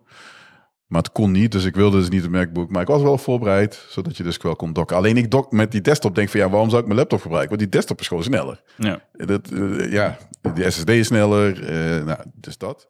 Je kan toch ook in een cloud een labmachine of zo? Uh, ja, wat ik, nou, mijn, mijn desktop is mijn cloudmachine. Dus als ik zeg maar daar uh, oh, ja, naar de klant ga, ja. dan ik mijn desktop gewoon ja. uh, remote op. Over. Kan je toch gewoon die M1, uh, of is dat dan niet dezelfde? Ja, ja, dat kan op zich wel. Uh, dan is het wel grappig, want dan heb je eigenlijk de specs. Je kunt gewoon de lichtste van de lichtste Ja, nemen, dat is ook je, zo, je hè? draait alles nee, maar dat is wel zo. Ja, ja dat, moet je, dat, dat, moet ik natuurlijk niet tegen mijn uh, nee, nee, directeur vertellen. Nee, nee, ik heb een hele zware nodig. Ja, maar denk je niet dat... Uh, Oké, okay, nee, ik ga het onderwerp ja, niet starten. Nee, nee, nee, nee, nee, ik ga het niet vragen. Wat dan? Ja, nou, nu ben ik nieuwsgierig. Heb je een? Waar, waarom hebben we nog die dikke machines nodig? Nou, He, dat is een hele goede. naar de cloud? Ik, ik kom daar zo op. Gaming. Oh, jee. Die, die, wat de, de, degene die heel hoe ik zeg maar, vanuit, uh, vanuit werk uh, mijn machine overnemen. Want ik gebruik Zero Tier. Dat is zeg maar een soort van... Ja, ja het is een cloud VPN. Ja, ja ik weet niet. Ja. ja. Dus dan krijg je... Maakt niet uit waar je bent. Je krijgt gewoon... Je, je machine installeren die software op, zeg maar. En dan hoef je geen firewall open te zetten. En dan kun je gewoon vanuit overal kun je naar die dus, machine dus toe. ook dat je zeg maar meerdere machines soort van in hetzelfde ja. hoopje kan zetten. En dat je dan overal van alle machines naar, naar elkaar toe kan. Ja, dat werkt echt ja. super. En die latency, dat schrok ik. Ik zat op, op kantoor en denk, oké, okay, ik heb gewoon pingtijden van, uh, wat is het, 6 milliseconden, 7 milliseconden. Ik denk, hoe dan? Weet je, dat ja, was echt, internet. werkt dus super, nee, maar het werkt echt super snel. Dat heeft niks, ja, nou, misschien is dat gewoon omdat de bandbreedte nu van machines gewoon veel beter is. Of van, van internet uh, hoger is. Zodat het allemaal wat soepeler werkt. Dus daar was ik wel heel erg gecharmeerd over. Uh, jij had het zeg maar over waarom hebben we geen cloud machines. Er zijn nu zeg maar er is een beweging, dus ik weet niet of dat, ja, dat zit, een beetje tegen de DevOps bewegingen. Die zeggen van ja, nee, je moet eigenlijk gewoon een centraal, centrale ontwikkelomgeving hebben. En dat levert heel veel andere voordelen, want dan, ja, je code delen gaat dan sneller, een aantal andere testen, dus, dus, dus je werkt echt anders. Ja. Dus je hebt dan niet meer die hele dikke machine thuis nodig, wel gewoon goed scherm en zo en, en snel genoeg. Maar alles wordt dan in, in de cloud. eh, eh, En hoe doe je dat dan als team? Dus stel je voor dat wij nu als team eh, samen aan een codebase moeten werken. nou ja, dan krijg je ook een, een soort van netwerkje waar al die eh, machines in zitten. Nou ja. En dan kun je op die manier. En dus de- je, je krijgt daar best wel wat voordelen aan. Eh, ook resources die je dan deelt, zeg maar, in plaats van dat je dan over. Ah, ja. Weet je, dus daar zit echt wel wat, wat wel, wel meer. eh, Maar heb je dan een shared bureaublad of zo? Of heb je het nu echt Nee, nee, nee. allerlei VM's en daar log je dan in?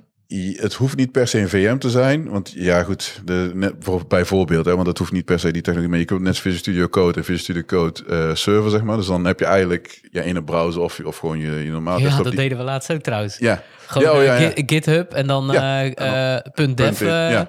Heb je dat al gedaan? Ja, je kunt gewoon Ja? punt, als je in een repository, dat is, Ja, als je op een punt drukt, gewoon de punt zelf, dan ga je, krijg je meteen. eh krijg Studio. je Visual Studio Code. Ja, Je hebt ook live share, dan kun je ook gewoon live Ja. programmeren in ja precies. Dus dat, dat, dat is dan weer een andere. Maar dus dan heb je eigenlijk ook in je browser, maak je verbinding met die remote omgeving. En dat, ja, Ja. dat kan dat wel efficiënt. eh, en dan heb je een ontwikkelomgeving en ja, misschien de, de configuratie van het netwerk, van de SSD's is allemaal veel meer geoptimaliseerd voor development, zeg maar. En er zit allemaal geen andere poeha bij. Misschien, en je virusscanner staat uit. Ja, want Nee, ik moest, ik ik moest een keertje iemand helpen, weet je wel, eh, van een ander team. En ja, die gozer die had echt, ja, die had op zijn computer helemaal niks eh, geïnstalleerd, weet Ja. je wel. Helemaal geen git, nee, helemaal niks had hij. Ja. Ja. vond ik ook zo raar trouwens. Maar goed, oké, doe het even niet toe. Ja. En toen dacht ik eens van, ja, hoe kunnen we dit nou verhelpen? Ja, eh, dat was gewoon inderdaad wat je zegt. Gewoon, want daar gebruiken we veel GitHub. Ja. Eh, GitHub eh, URL en dan eh, punt de- en ik zei tegen hem, joh, typ eens even punt .dev in. En dan punt .dev en ineens Visual Studio. Ja, GitHub heeft volgens Of mij Studio. Wat is het? een, eh, volgens mij dat GitHub Workspaces of zo. Die hebben ook, of GitHub, whatever. Die hebben echt Ja. gewoon een, een, een, een, een, eh, toepassing, zeg maar, die dus dit remote samenwerken en dan alles, zeg maar, Ja. remote. Die hebben dat. Dat heeft Microsoft heeft dat ook, maar goed, eh, GitHub die heeft waarschijnlijk een net iets andere toolstack. En zo zijn er meer van die varianten. Dus dat, dat Maar hoe relaxed was dat? Want in die situatie Ja. Was dat gewoon de snelste manier, weet je wel? Want anders hadden we eerst Git moeten installeren en allemaal SSH kiezen Ja, om eh, connecties te Maar kunnen ook maken. pull requests, zeg maar, even ja, reviewen. hadden we ook gedaan, hè? normaal gesproken moet je branches zoals- veranderen. Ja, want je zit, jij zit zelf in een branch. En als je hem echt goed wil reviewen, in mijn ogen, moet je hem eigenlijk gewoon in code in je, in je development omgeving zien. Precies. Maar ja, dan moet je eigenlijk switchen naar die branch, uitpoelen en eh, checken en dan weer terug switchen. Of een andere folder en daar eh, klonen. En daar, ja, dat, dat, Alleen wat ik me dan wel afvraag is, stel je voor dat je inderdaad een webapp eh, of zo, eh, weet je wel, in een branch hebt staan. Ehm, hoe, ga, hoe test je het dan? Hè, want dat doe je natuurlijk lokaal. Dan run je hem even, weet je wel. eh, dan start je hem op op ja, hetzelfde toch? Ik bedoel, er is, Ja, dan kan, krijg je dan is een brouw- Oh, zo. Ja, maar je, je, alles staat al remote, zeg maar. Dus, Ja, maar dat bedoel ik niet. Kijk, ik- dat is de code. Ja, Maar als maar je ook dat het ding... runnen kun je ook gewoon Oké, Run, maar dat, dat heb je dus ook volgens mij met actions. Dat je gewoon zegt van als die branch eh, of een pull request gebeeld wordt, dan wordt ook meteen die omgeving zeg maar met die code eh, in de lucht. Yo, oh, dat is wel helemaal tof. dat heeft, ja, dat heb ik met, dat is al een tijd geleden. Met Git, Ja. GitLab had dit al heel vroeg, want die waren al heel vroeg met dat alles geïntegreerd was, ook die buildpipeline. Ja, en dat die- is echt zo, ja. En die spinnen dus zeg maar een, een, een Kubernetes eh, cluster op. ja, dat is Kon je daar testen. En als het klaar was, gooi je hem weg. Precies, dus dan doe je echt op de branch doe je dus een Ja, apart dat is eigenlijk- soort van testomgevingje. Ja. ja. En dat is eigenlijk als je dus DevOps wil doen en continuous delivery, continuous deployment, dan is dat eigenlijk wel de way to go. Want anders, eh, ja, ik bedoel, volgens mij heeft bijna Ja, we, iedereen we met hebben nu dat ook, zeg maar. We, hebben, we hadden twee dynamische omgevingen, zeg maar, waarop dan eh, dev-omgevingen, zeg maar, waarop getest kon worden. Maar je had altijd gezeur dat, Ja, dat dan, dan, want die branch Ja, werd gedeployed. Oh shit, nou, dan werkt mijn ding Ja, niet. ja, ja. Dus het, wat hebben we nu? Oké, het worden nu vier. De welle. Daar heb ik maar. Zeker als het, een beetje zo'n Ja. oplossing voor. eh, Snap ja. het, ja. Maar goed, dan kun je gewoon tegen een tester zeggen, hey, daar is de branch, daar staat de code. Als jij hem goed vindt, dan geef jij een vinkje en dan kan hij door naar productie. Mm. Weet je wel? Dan, en dan zit, dan zit je dus elkaar niet in de weg. Want in die auto op straat is het van, oh nee, mijn versie staat nu in T, dus je kunt niet die deployen, wat, wat jij dus ook eh, denk ik bedoelt. Dus je moet even wachten op mij totdat, terwijl dan kan hij gewoon hup, die branch checken, up door en die is, die is gebranched van productie. Dus je kunt alweer hup snel weer terug. En het zijn hopelijk redelijk kleine delta's. Dat is echt super tof. Eh, goed. Maar het is wel een leuk onder, ik vind het een leuk onderwerp, want het, dit heeft raakvlak op wat je hè, van het inrichten van je werkplek. Ja. Dit is misschien wel een beetje de, eh, de, de, de huidige 2020, 2022 manier ja. om misschien wel zo te werken in een remote Ja, situatie. ja, precies. En er zijn zeker... Ik, nee, ik zou het echt serieus nemen. Kijk, een zit-sta-bureau vind ik eigenlijk wel handig om te hebben. Het, het hoeft niet, hè, maar het is handig. Ja, gisteren toevallig, toen we net gebouwd hebben, dat heb ik even mijn computer eh, aangesloten. En dat staand werk is best fijn. Alleen de hele dag staan doe je ook niet. Ik bedoel, je doet het een uurtje en dan ga je weer rustig zitten. Of, En na een week doe je het al bijna niet meer hoor. Dat is mijn... nou ja, ik, ik vind het nog wel fijn om, om dat Schuldig. te blijven doen. Ja, ik vind het wel fijn om te blijven doen. Maar goed, een heel goed toetsenbord echt telt wel mee. Goede muis, maar dat... eh, Goeie stoel. Ja. Stoel is zeker heel Ja. belangrijk. Eh, verlichting, dat klinkt heel suf, maar dat is echt wel Ja, handig. niet eh, tegen de zon in. Ja, precies.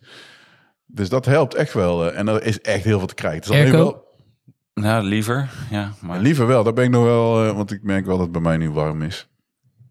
Ik moet even kijken of we een airco gaan aansluiten. Nee, nee, ik ben inderdaad eh, wel fan. En ik zou, als, als ik een bedrijf had, zou ik ook inderdaad gewoon zeggen... Hey jongens, hier heb je 1500 euro Ja. ex-BTW voor als je Ja. bij ons komt werken. Eh, heb je al een goede werkplek? Prima. Dan heb je een, eh, een leuke startbonus of zo, weet je. Maar in ieder geval, je geeft gewoon iedereen 1500 euro bruto. Of eh, ja, gewoon budget eigenlijk om een, eh, om een ding in te, te regelen. Nou, dan koop je een bureaustoel van, eh, weet ik het, 700, 800 euro. Zo'n refurbish helemaal minder. Ja. Heb je voor 500 euro een, eh, een, goed, een goed bureau. Ja.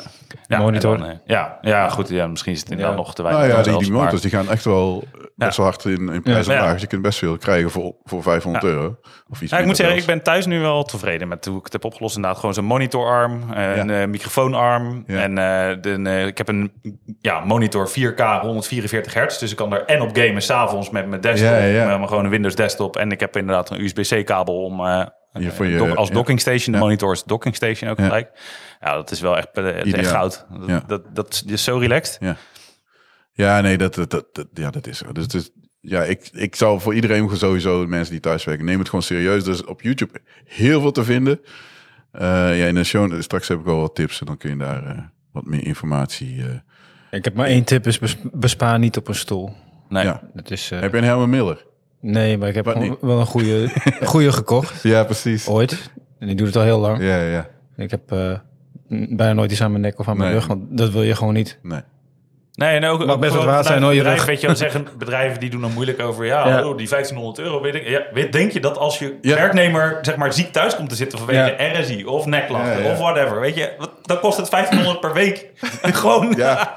omdat Ja, je die developer precies. niet eh, Ja, ja, mee ja. kan doen. Het is jouw rug, je moet er een leven mee doen. Nou, Ja, dat, ook dat, mag ja. best wel kosten. Ja, dat is voor die persoon zelf, hè, maar voor het bedrijf is het gewoon, ja, in mijn ogen is het niet, eh, best wel een no-brainer. En als toevoeging misschien nog een eh, ja, alternatieve zitwijze. je hebt natuurlijk ook eh, de, de skippybal of de, de Ja. wiebelkrukjes, zeg maar. Dat je even van je stoel...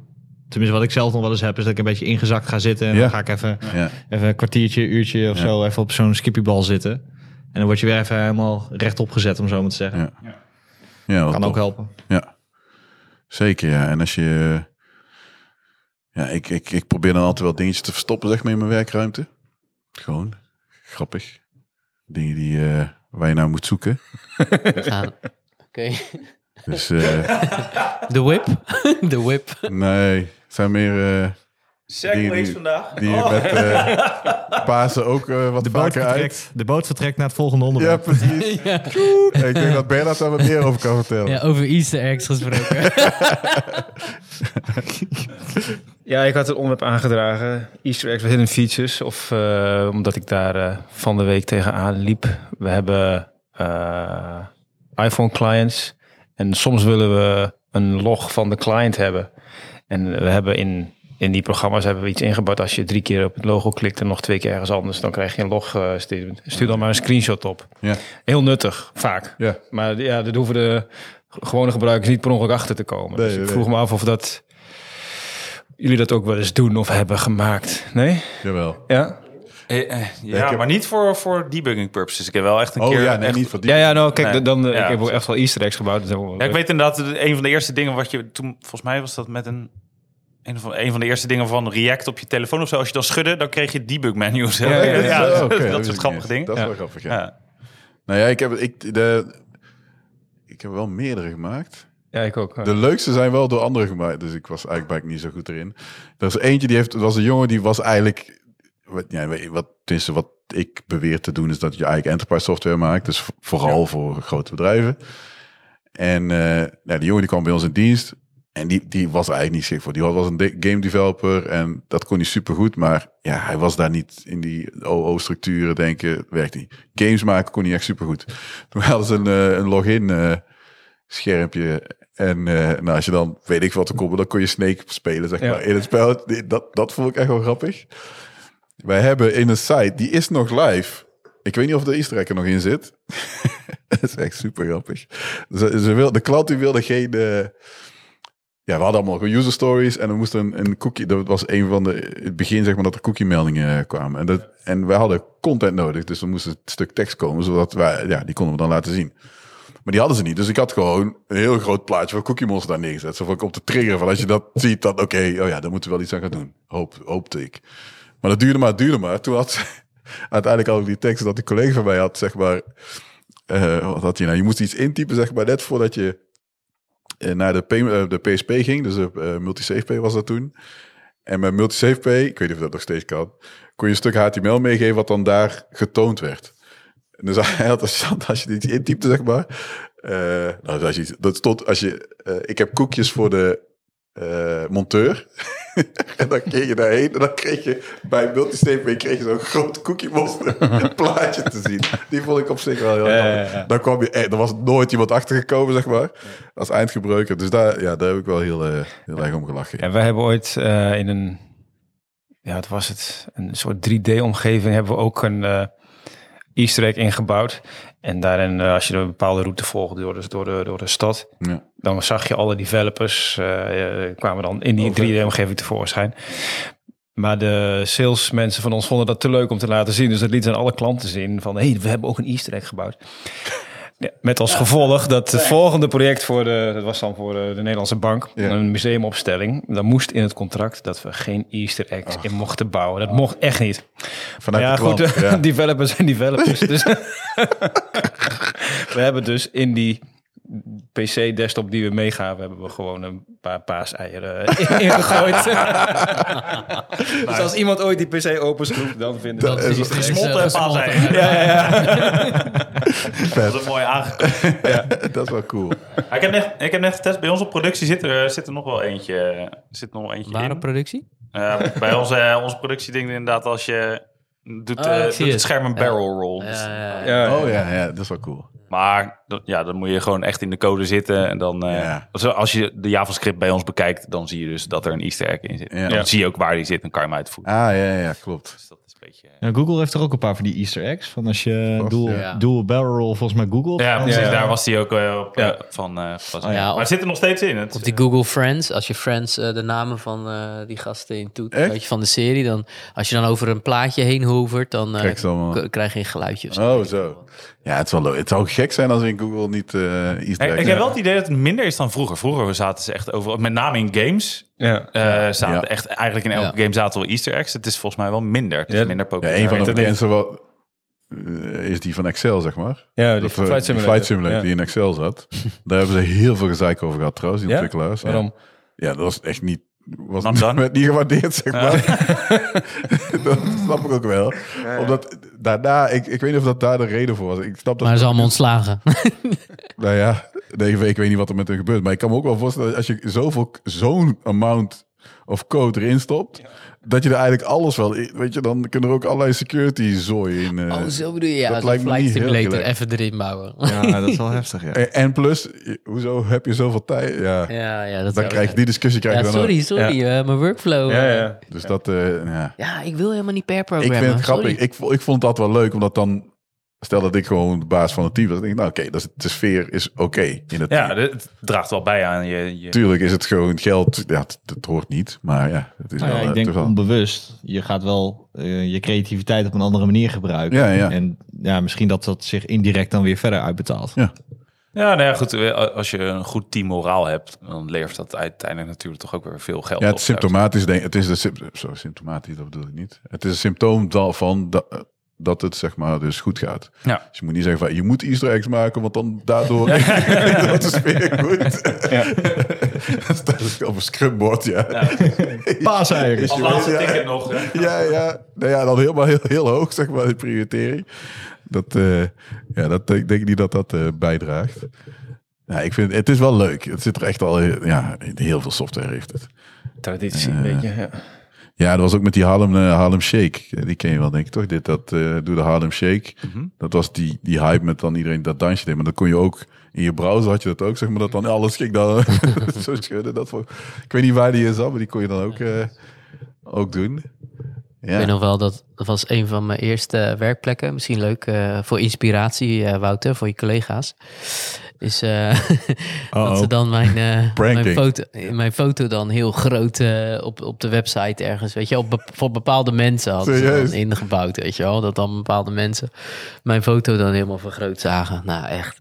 Inspiratie voor hen, dus niet voor mij. Nee, nee, nee, ja, inderdaad. Ja. dat is wel Ah, grappig, ja. goed, ja. Ja, wat, wat ik wel tof vind als, nou ik weet niet of het echt een easter egg is, maar wat zij bijvoorbeeld op hun website hebben, is ehm, eh, zo'n knop waarmee je dan in één keer alle CSS et cetera stript. Dus heb je gewoon een basic HTML website Ja, en eh arcady.nl. ja.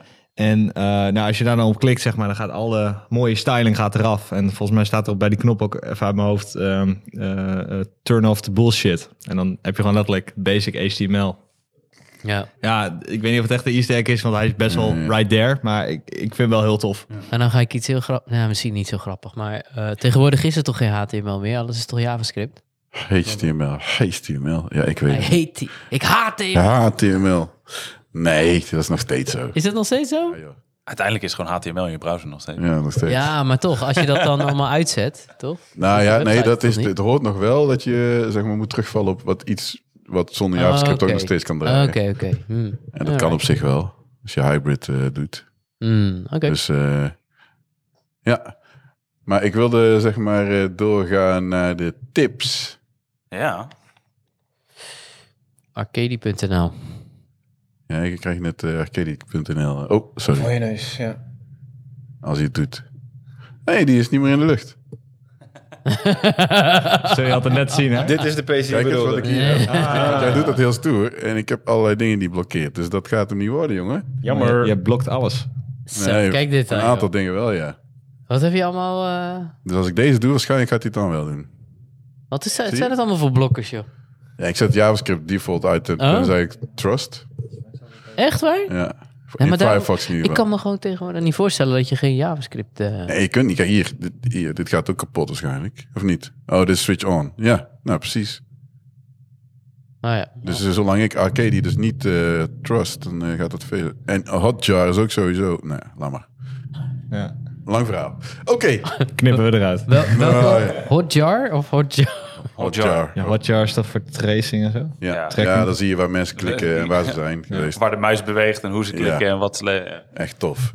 Ja. Iedere marketeer. Ja, dan moet je Hotjar instoppen. Doe ik niet. Jawel. Maar goed. Naar de tips. Eh, Bernhard. eh, ik hoop dat iedereen tips heeft meegenomen. Als dat niet zo is, dan beginnen we gewoon bij Bernhard. Ja, ik heb eh, net tijdens het praten over de eh, remote en samenwerken met per programming een eh Git-talk opgezocht. Uh-huh. Die is gegeven in, eh, bij Amsterdam door Tom de Bruin, die wij te gast... Nee, we hebben vrienden van hem te gast gehad, want die zat bij de Amsterdam Ruby groep. Ja. En daar werd toen al over gesproken, maar dit is een link naar zijn eh, praatje. Ja. Cool. Oh, oké. Zijn, dit is meer artikel trouwens, dus hij heeft er ja, ook ja. een talk over gegeven. Ah, Oké. Git is about communication. Dat is de titel. Nice. Ja. Oké, cool. En wat vond je er tof aan? Heb je hem gelezen? Ik heb het niet gelezen. Ik weet dat er naar gerefereerd is, maar de, ja, de Hmm. titel zegt het denk ik al. Ja. Hmm. Cool, cool, Ja, cool. duidelijke Git eh, messages. En dat, eh, Ja, Ja, ja, ja, precies. Ja, dat, ja, ik, Ja. volgens mij heb ik hem wel langs zien komen. Ja. Want toen dacht ik van, het zit een beetje in hetzelfde vaarwater als, wat uh, Weet je, dit, dit, hè, Ja, dit heeft mij correct. helemaal opgefokt, jongen. Hoezo? Als ik een nieuwe repo maak, hè, Ja. dan ga ik nu echt letterlijk denken... moet ik nou initial commit in Ja, ja, niet? ja, dat klopt. First commit. Ja. Just to be different. Ja, ja, ja. ja. ja die, als, mensen, als, Oh, dit mensen, zit diep. als mensen beginnen over initial... Ja, dat ligt er... Ja, ik zet gewoon initial commit. I Ja, don't ik care. ook. Maar tenzij je stel bijvoorbeeld, eh, je hebt code, die komt ergens anders vandaan. Eh, dus je- dit Ja, zit je in een andere... het of zo. Nee, nee, nee. Ja, dat, dat zou ook nog kunnen. Maar stel dat het in een ander systeem zat en met een ander soort versiebeheer, of je Mm, moet het, ja, ja, ja. je erft het of zo. Ja. Dan is het wel, dan zet ik er niet per se in. Dan zeg ik wel van, oké, dit is de bron. Want anders krijg je ineens een met, oh, dat jouw naast staat erbij. Jij bent verantwoordelijk voor deze hele zooi. ja, toedels. Doe- Doe maar niet. Ja. Dat is de enige re- tenminste, die ik me kan verzinnen Ja. dat ik geen initial commit dan anders. eh, Dus initial commit mag wel, hè? ja, oké. Je mag voor mij alles neerzetten in die commit. Man, kreeg het warm. Als je Ik maar, denk eh, eh, tegenwoordig heel lang na over branch names. Dat, die- dat die ook eh, wa- wat duidelijk moeten maken. ja, dat wel, maar ook niet te lang. Want ik denk van ja, die dingen die moeten ook niet te lang leven. Ja. Nee, nee, nee, dat klopt. Maar Dus, ik, ik heb ja. wel inderdaad nu met die branch names, dan doe ik wel van die, eh, van die prefixes Ja. inderdaad. Dus Ja. het is dan of eh, feature slash, dat of fix ja. slash, of hotfix slash, Ja. of temp slash of zo. Weet je, een beetje dat soort... eh, ja. Ja, dat- ik vind dat heel... Ja, klopt. Dat, dat doe ik Dan heb je in ieder geval een idee van, oké, dat is een beetje Ja. deze, deze hoek. En ik, ik, ja, niet dat dat nou een tip is, maar ja, misschien wel. Ik gebruik Gitkraken en Gitkraken wordt eigenlijk alleen maar beter en beter. Want daar zit ook, in eerste instantie was het gewoon, ja, gewoon een eh, user interface voor Git. En dan kon je niet per se zien welke commando's je uitvoert. Dat kan nu voortaan wel. Er zit ook een eh, command line integratie zit erbij. Ik vind het heel fijn om eh, Interactive Rebase daarin te doen. Ik word altijd een beetje zenuwachtig als ik het allemaal in eh, VI of eh, textueel moet doen. Ja. Dus daar, eh, ja, ik vind dat wel fijn. Ja, de ingebouwde Git tool in IntelliJ en Oh, ja. alle, alle varianten we gebruiken eigenlijk altijd. Ja. Dat is ook best, ja, fantastisch. Kan je ook inderdaad selectief committen, dus dat is helemaal relaxed. Dus Oh. dan heb je gewoon al je changes in één ding. En dan inderdaad selecteer je gewoon alleen de bestanden voor deze commit. Ja. Of een bepaald, want ja, soms heb je Ja. bepaalde delen in één file Ja. die je zelfs maar moet committen. kan je Ja, gewoon allemaal alles Ja. aanvinken. Dat is echt wel een- ja, Ja. super relaxed. Ja, dingen noemt dat chunks dan volgens mij. Ja. En dan kun je zeggen, oké, deze Ja. chunk neem, neem Precies, die mee. Ja. dat is wel tof. Maar zonder UI is dat eigenlijk niet. ja, even in mijn ogen, ja, vast hè, maar als je ja, guru level eh, Git bent. eh, oh, sorry. Ik ben altijd zo bang als je dat soort dingen doet, hè? Dat selectief eh, doen, dat je dan wel eens een foutje maakt. Hè? Dus dat, Dat je je dan iets denkt, ja, vergeet. kut. Ja. Ja, je bedoelt dan dat je iets vergeet. Ja, Nee, ja. ja. Ja, ik check ook wel altijd zelf mijn commit nog eh, op, op, eh, op GitLab of op GitHub. Ja, dus ja. als ik Ja, hem ja, ja. tij- lokaal heb ge- Ja. mijn hele commit ding heb gedaan en ik heb Ja. het gepusht, dan kijk ik altijd nog even bij Ja. het aanmaken Ja. van de merge request of pull request. Klopt. Even naar de changes van, oh, klopt het allemaal wel? Ja. Gaat het allemaal wel goed? Hmm. Voor mezelf een sanity check, dat je niet Precies. dat ik krijgt, hey, je hebt hier een bestandje mee gecommit. En Eh, meestal wordt zeg maar ook eh, de merge request, pull request wordt gebeeld, zeg maar. Dus dan weet je ook Ja, weet je gelijk of het... eh, of het überhaupt beeld. Ja, ja, dat, is ook, zo, Ja. dat sowieso natuurlijk. Maar dan, ja. Ja, wat dingen volgens mij ook, dus met, dat is waar onze site op gebaseerd is bij Vercel. Als je dan een pull request hebt, dan maakt hij ook gewoon die site aan. Dan zie je ook Oh, gewoon ja. live. Ja. Klopt het wel wat je daar wilde? ja, mooi. Yes. Mooi, dankjewel voor de tip. Wie eh, wil er meer? Wouter. Yes, ik, eh, ik had er eigenlijk twee meegenomen. Ehm, nou ja, we hadden het eerder al een beetje over wat, wat wil je nou allemaal weten als eh, bijvoorbeeld een junior, wat wordt er van je verwacht? En eh, een website die ik bijvoorbeeld gebruik is refactoring.guru.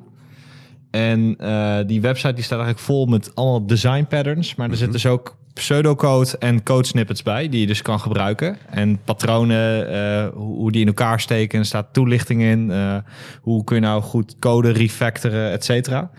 Ehm, ja, ik denk dat het gewoon erg leerzaam is. En ook wel, ik gebruik het ook wel een beetje als handboek voor als ik denk van oké, ik wil iets gaan refactoren, maar ik weet niet waar ik moet beginnen. Mhm. Ehm, een tweede die ik mee heb genomen is exorcism.io. En dat is eigenlijk gewoon een, eh, ja, een website waar je dus een programmeertaal kan leren. Alleen er zit een bepaald mentor element in. Waarin je dus door middel van, eh, ja, je maakt gewoon puzzels, opdrachten.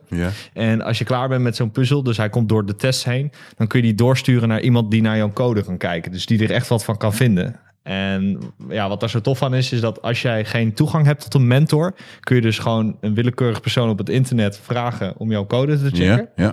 Of je kan de link gewoon doorsturen naar je betreffende mentor of iemand of een collega of een vriend die de, de, tijd eh, voor heeft eh, om ernaar te kijken. Nou, cool. Nice, nice.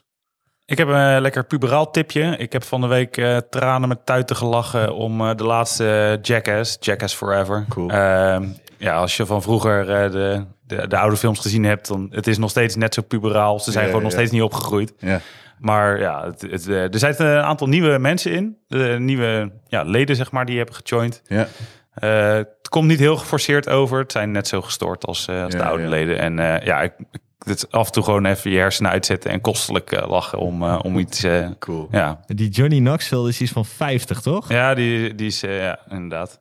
Ja, dus eh, ik, eh, ik moet zeggen, ja, dat duurt anderhalf uur. Ik, eh, ik heb anderhalf uur. Ja, ja. Dus. Ja, cool. Ja, ik heb Eh, toevallig ook op Netflix inderdaad een paar van die eh, te- teasers zitten kijken. Ik denk, oh crap. Ja, dat gaat weer dus helemaal los. hè. ja, ja. Want dat, ze ze gaan ver, joh. Ja. Dat is echt niet normaal. Echt, dat is gewoon... Nou ja, goed, eh, ik bespaar de details. Ja, ik heb, ik, ik heb een serie die ik nu... eh, maar goed, dat kennen heel veel mensen misschien wel. Dat is Stranger Things se- eh, seizoen 4. Ja. Ik weet niet of hier mensen nog kijken, maar... Nee. Ik, heb, eh, ja, ik ben na twee afleveringen, niet, niet dat ik het slecht vond, na, nee, na drie afleveringen afgehaakt. Dus ik moet eigenlijk gewoon nog verder. Ja, je moet wel even doorzetten, want het is echt wel tof. eh ja, gewoon seizoen- die 90s sfeer. En, eh, Tegen wie zei ik dat nou? Volgens mij was seizoen 1 goed, seizoen 2 en 3 Ja. waren minder, toch? Of niet? Dat zei je bij de vorige opnames van de vorige ja, episode. ja, Ja, precies. Ja, ja, ja. Oh, echt? Hebben jullie het daar ook over gehad? Oh, Ja, mij wel, Nee, ja. nee, niet, ja, ik weet niet of... Ja, wel trouwens, Ja. 4 ook. Ja. Oh, nou, goed, man, dat is een goede tip. die vorige... Dubbele tip. Ja, dubbele tip. Dan moet je er kijken. nog één doen. Nee, dan... anders- Gewoon Kenobi, to be safe. Ja, Wat? Kenobi, to be safe. Dat is eigenlijk gewoon verplichte kost. Moet geen discussie meer zijn. Ik hoop dat die goed is, want ik heb nu twee afleveringen gekeken. Ik vond het leuk, maar een beetje traag. Ja, Hmm. Ik vind Star Wars tof, maar ik vond... Ik ben een Kenobi-fan, hè, even. Want ik hoopte eigenlijk dat, eh weet ze, Ray... Nou, is dat is echt een eh, spoiler. Daar praten we Als niet over. Nee. Als je, Ja, niet, ja, nee, nee, nee, dat is wel- als je dus dit niet wil weten, dan moet je maar gewoon eh 30 seconden, 40 seconden, een minuut vooruitspoelen. Maar Ray had eigenlijk gewoon een Kenobi moeten zijn, in plaats van eh, wat ze nu verzonnen hebben. Want dan had het geklopt. Maar nu was ze volgens mij gewoon evil. Anywho, goed. Stranger Things dus. Ik heb eh, ook een aantal tips. Ik heb eh, in de show notes zet ik een, eh, een is er, komt er een link te staan naar een zitsta bureau topic bij Tweakers op het forum. Naar allerlei tips over ja, wat je wel en niet moet kopen. Op Reddit kun je er ook ve- veel vinden. Alleen wat, wat, wat je merkt is dat het heel erg Amerikaans is. Dus heel veel van die leveranciers die in Amerika leven, die hebben, ja, daar hebben we helemaal niks aan. Ja, of je moet gewoon veel te veel uitgeven hier. Bij zitstaarbureaus is het zo dat eigenlijk, denk 70% van die eh, frames gewoon gemaakt worden in China. En zo worden heel vaak gewoon eh, omgekat en dan komt er een eh, ander labeltje op. Een ander bureaublad en dan wordt verkocht voor een stukje meer. En op via Reddit kom je nog eens achter, zeg maar, welke... Ik, ga dat trouwens ook toevoegen in de show notes. Ja, wat, zijn, wat is nou de echte fabrikant? Dus dan gaat het om motoren meestal en dan heb je de control units. En daar zitten voordelen en nadelen aan. Dus dat is op zich nog wel iets. eh, En dan, ja, hier in Nederland is het eigenlijk wat heel veel mensen doen. Die kopen een frame en die kopen een, een, een, blad, eigenlijk een tafelblad bij de Gamma volgens mij. En dan ziet er hartstikke mooi uit en dan Versum zelf. En dan heb je eigenlijk voor relatief weinig heb je een heel mooi eh, bureau.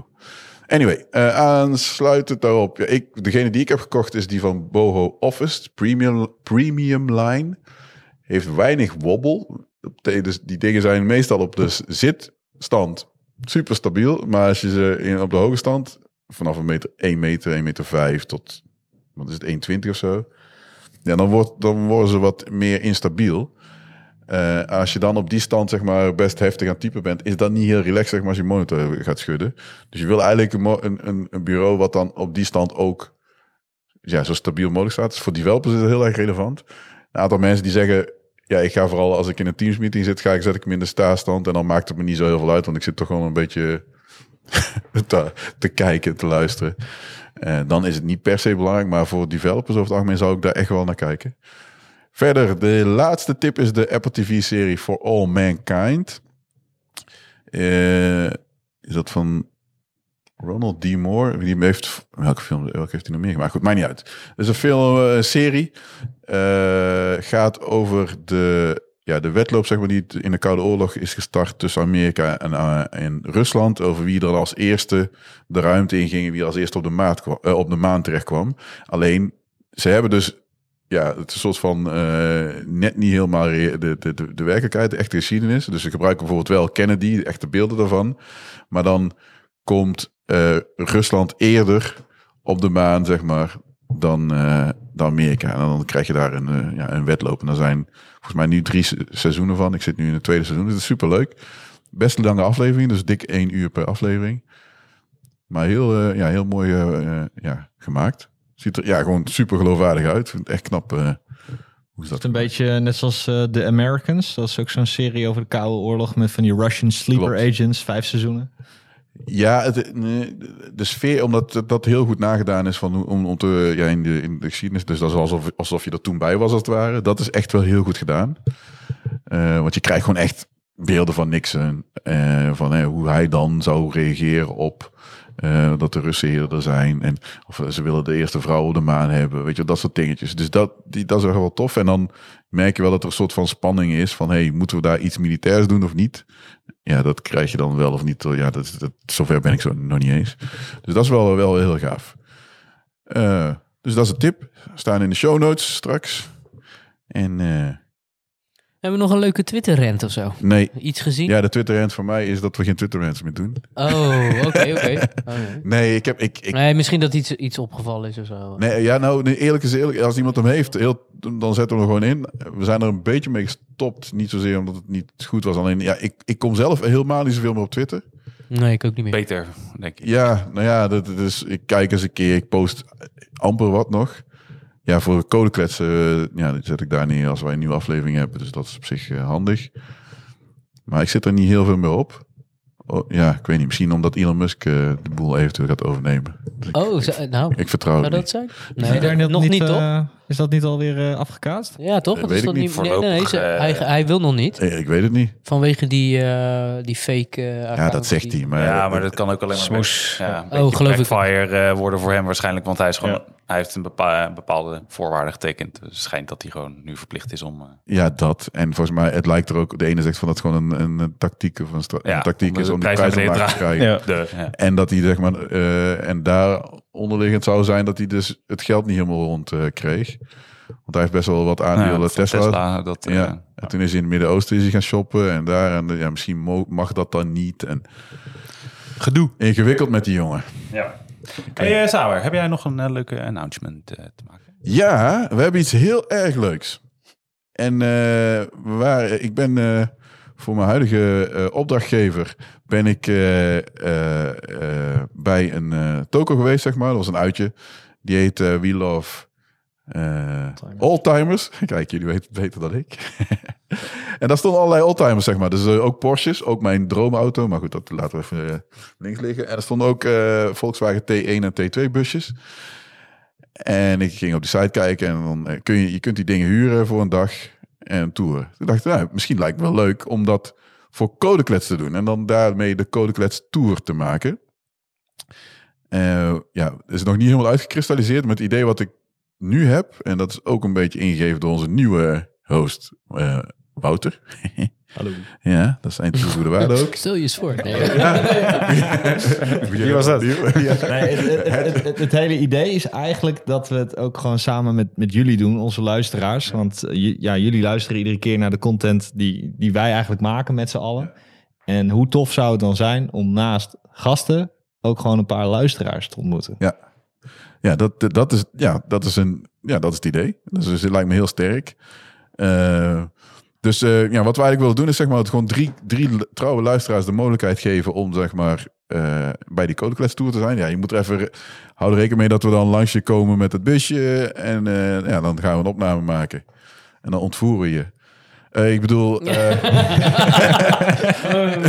Parkeer in je voortuin. ja, Nee, knippen dit eruit. Eh, dus dat, dus die, dat doen we met drie. Dus als je daar ge- eh, geïnteresseerd bent, dan kun je je aanmelden in het Code Klets Tour kanaal. Eh, ja, dan eh, loten we eh, drie mensen in of uit, whatever. Die zijn dan, eh, die mogen erbij zijn. En we willen ook drie oud gasten, zeg maar, ook eh daarbij doen. Dus dan gaan we gewoon een dag toeren. Dan rijden we langs die zes personen. En Lijkt me wel leuk om die podcast eh, tijdens het rijden misschien te doen, hè? Ja, dat kan ook. Voor het live commentaar. ja, ja. Hoe heet die Andy, Andy van der Meijden, toch? Eh, En dan zetten we de luisteraar dan af bij het huis van de Ja, volgende. van de bij de volgende, volgende. Hey, mazzel. later, ja, ja. Oh, dit maakt het niet heel populair. Maar goed. Nou ja, goed. Nee, we brengen je terug, geen Ja, probleem. nee, dat, dus, dus dat, eh, ja, ik, mij lijkt het echt een heel leuk idee. Ja. Eh, termijn, ja, ik weet niet. Ik hoop wel dat we het kunnen gaan doen als het nog wat enigszins mooi weer is. Want het lijkt me echt helemaal niet zo tof om in die busje te rijden als het echt knijterhard regent. En corona moet wegblijven. Ja, Ook dat. klopt. Of we brengen gewoon corona naar je toe eh, met die busjes. dat kan ook. De, de, de Code Quest Corona Bus. Coming to your theaters. Dus dat kan ook nog. Maar goed. Eh, ik eh, denk dat we kunnen afronden. Ja, Yes. zeker. Was Ja. gezellig, jongens. Ja, vond ik leuk ook. om eh, Ja. weer even elkaar in... eh, Jammer dat je er Echt niet was? Pauline. Maar hopelijk Ja. de volgende keer. eh, We gaan, eh, dat gaan we mogelijk maken. Komt yes. Oké, dankjewel voor het luisteren. Eh, ja, je, weet, je kunt ons vinden op de standaard kanalen, codeclass.nl. eh, op Twitter, eh, waar ik het net ook al even over had, daar kun je ons op volgen.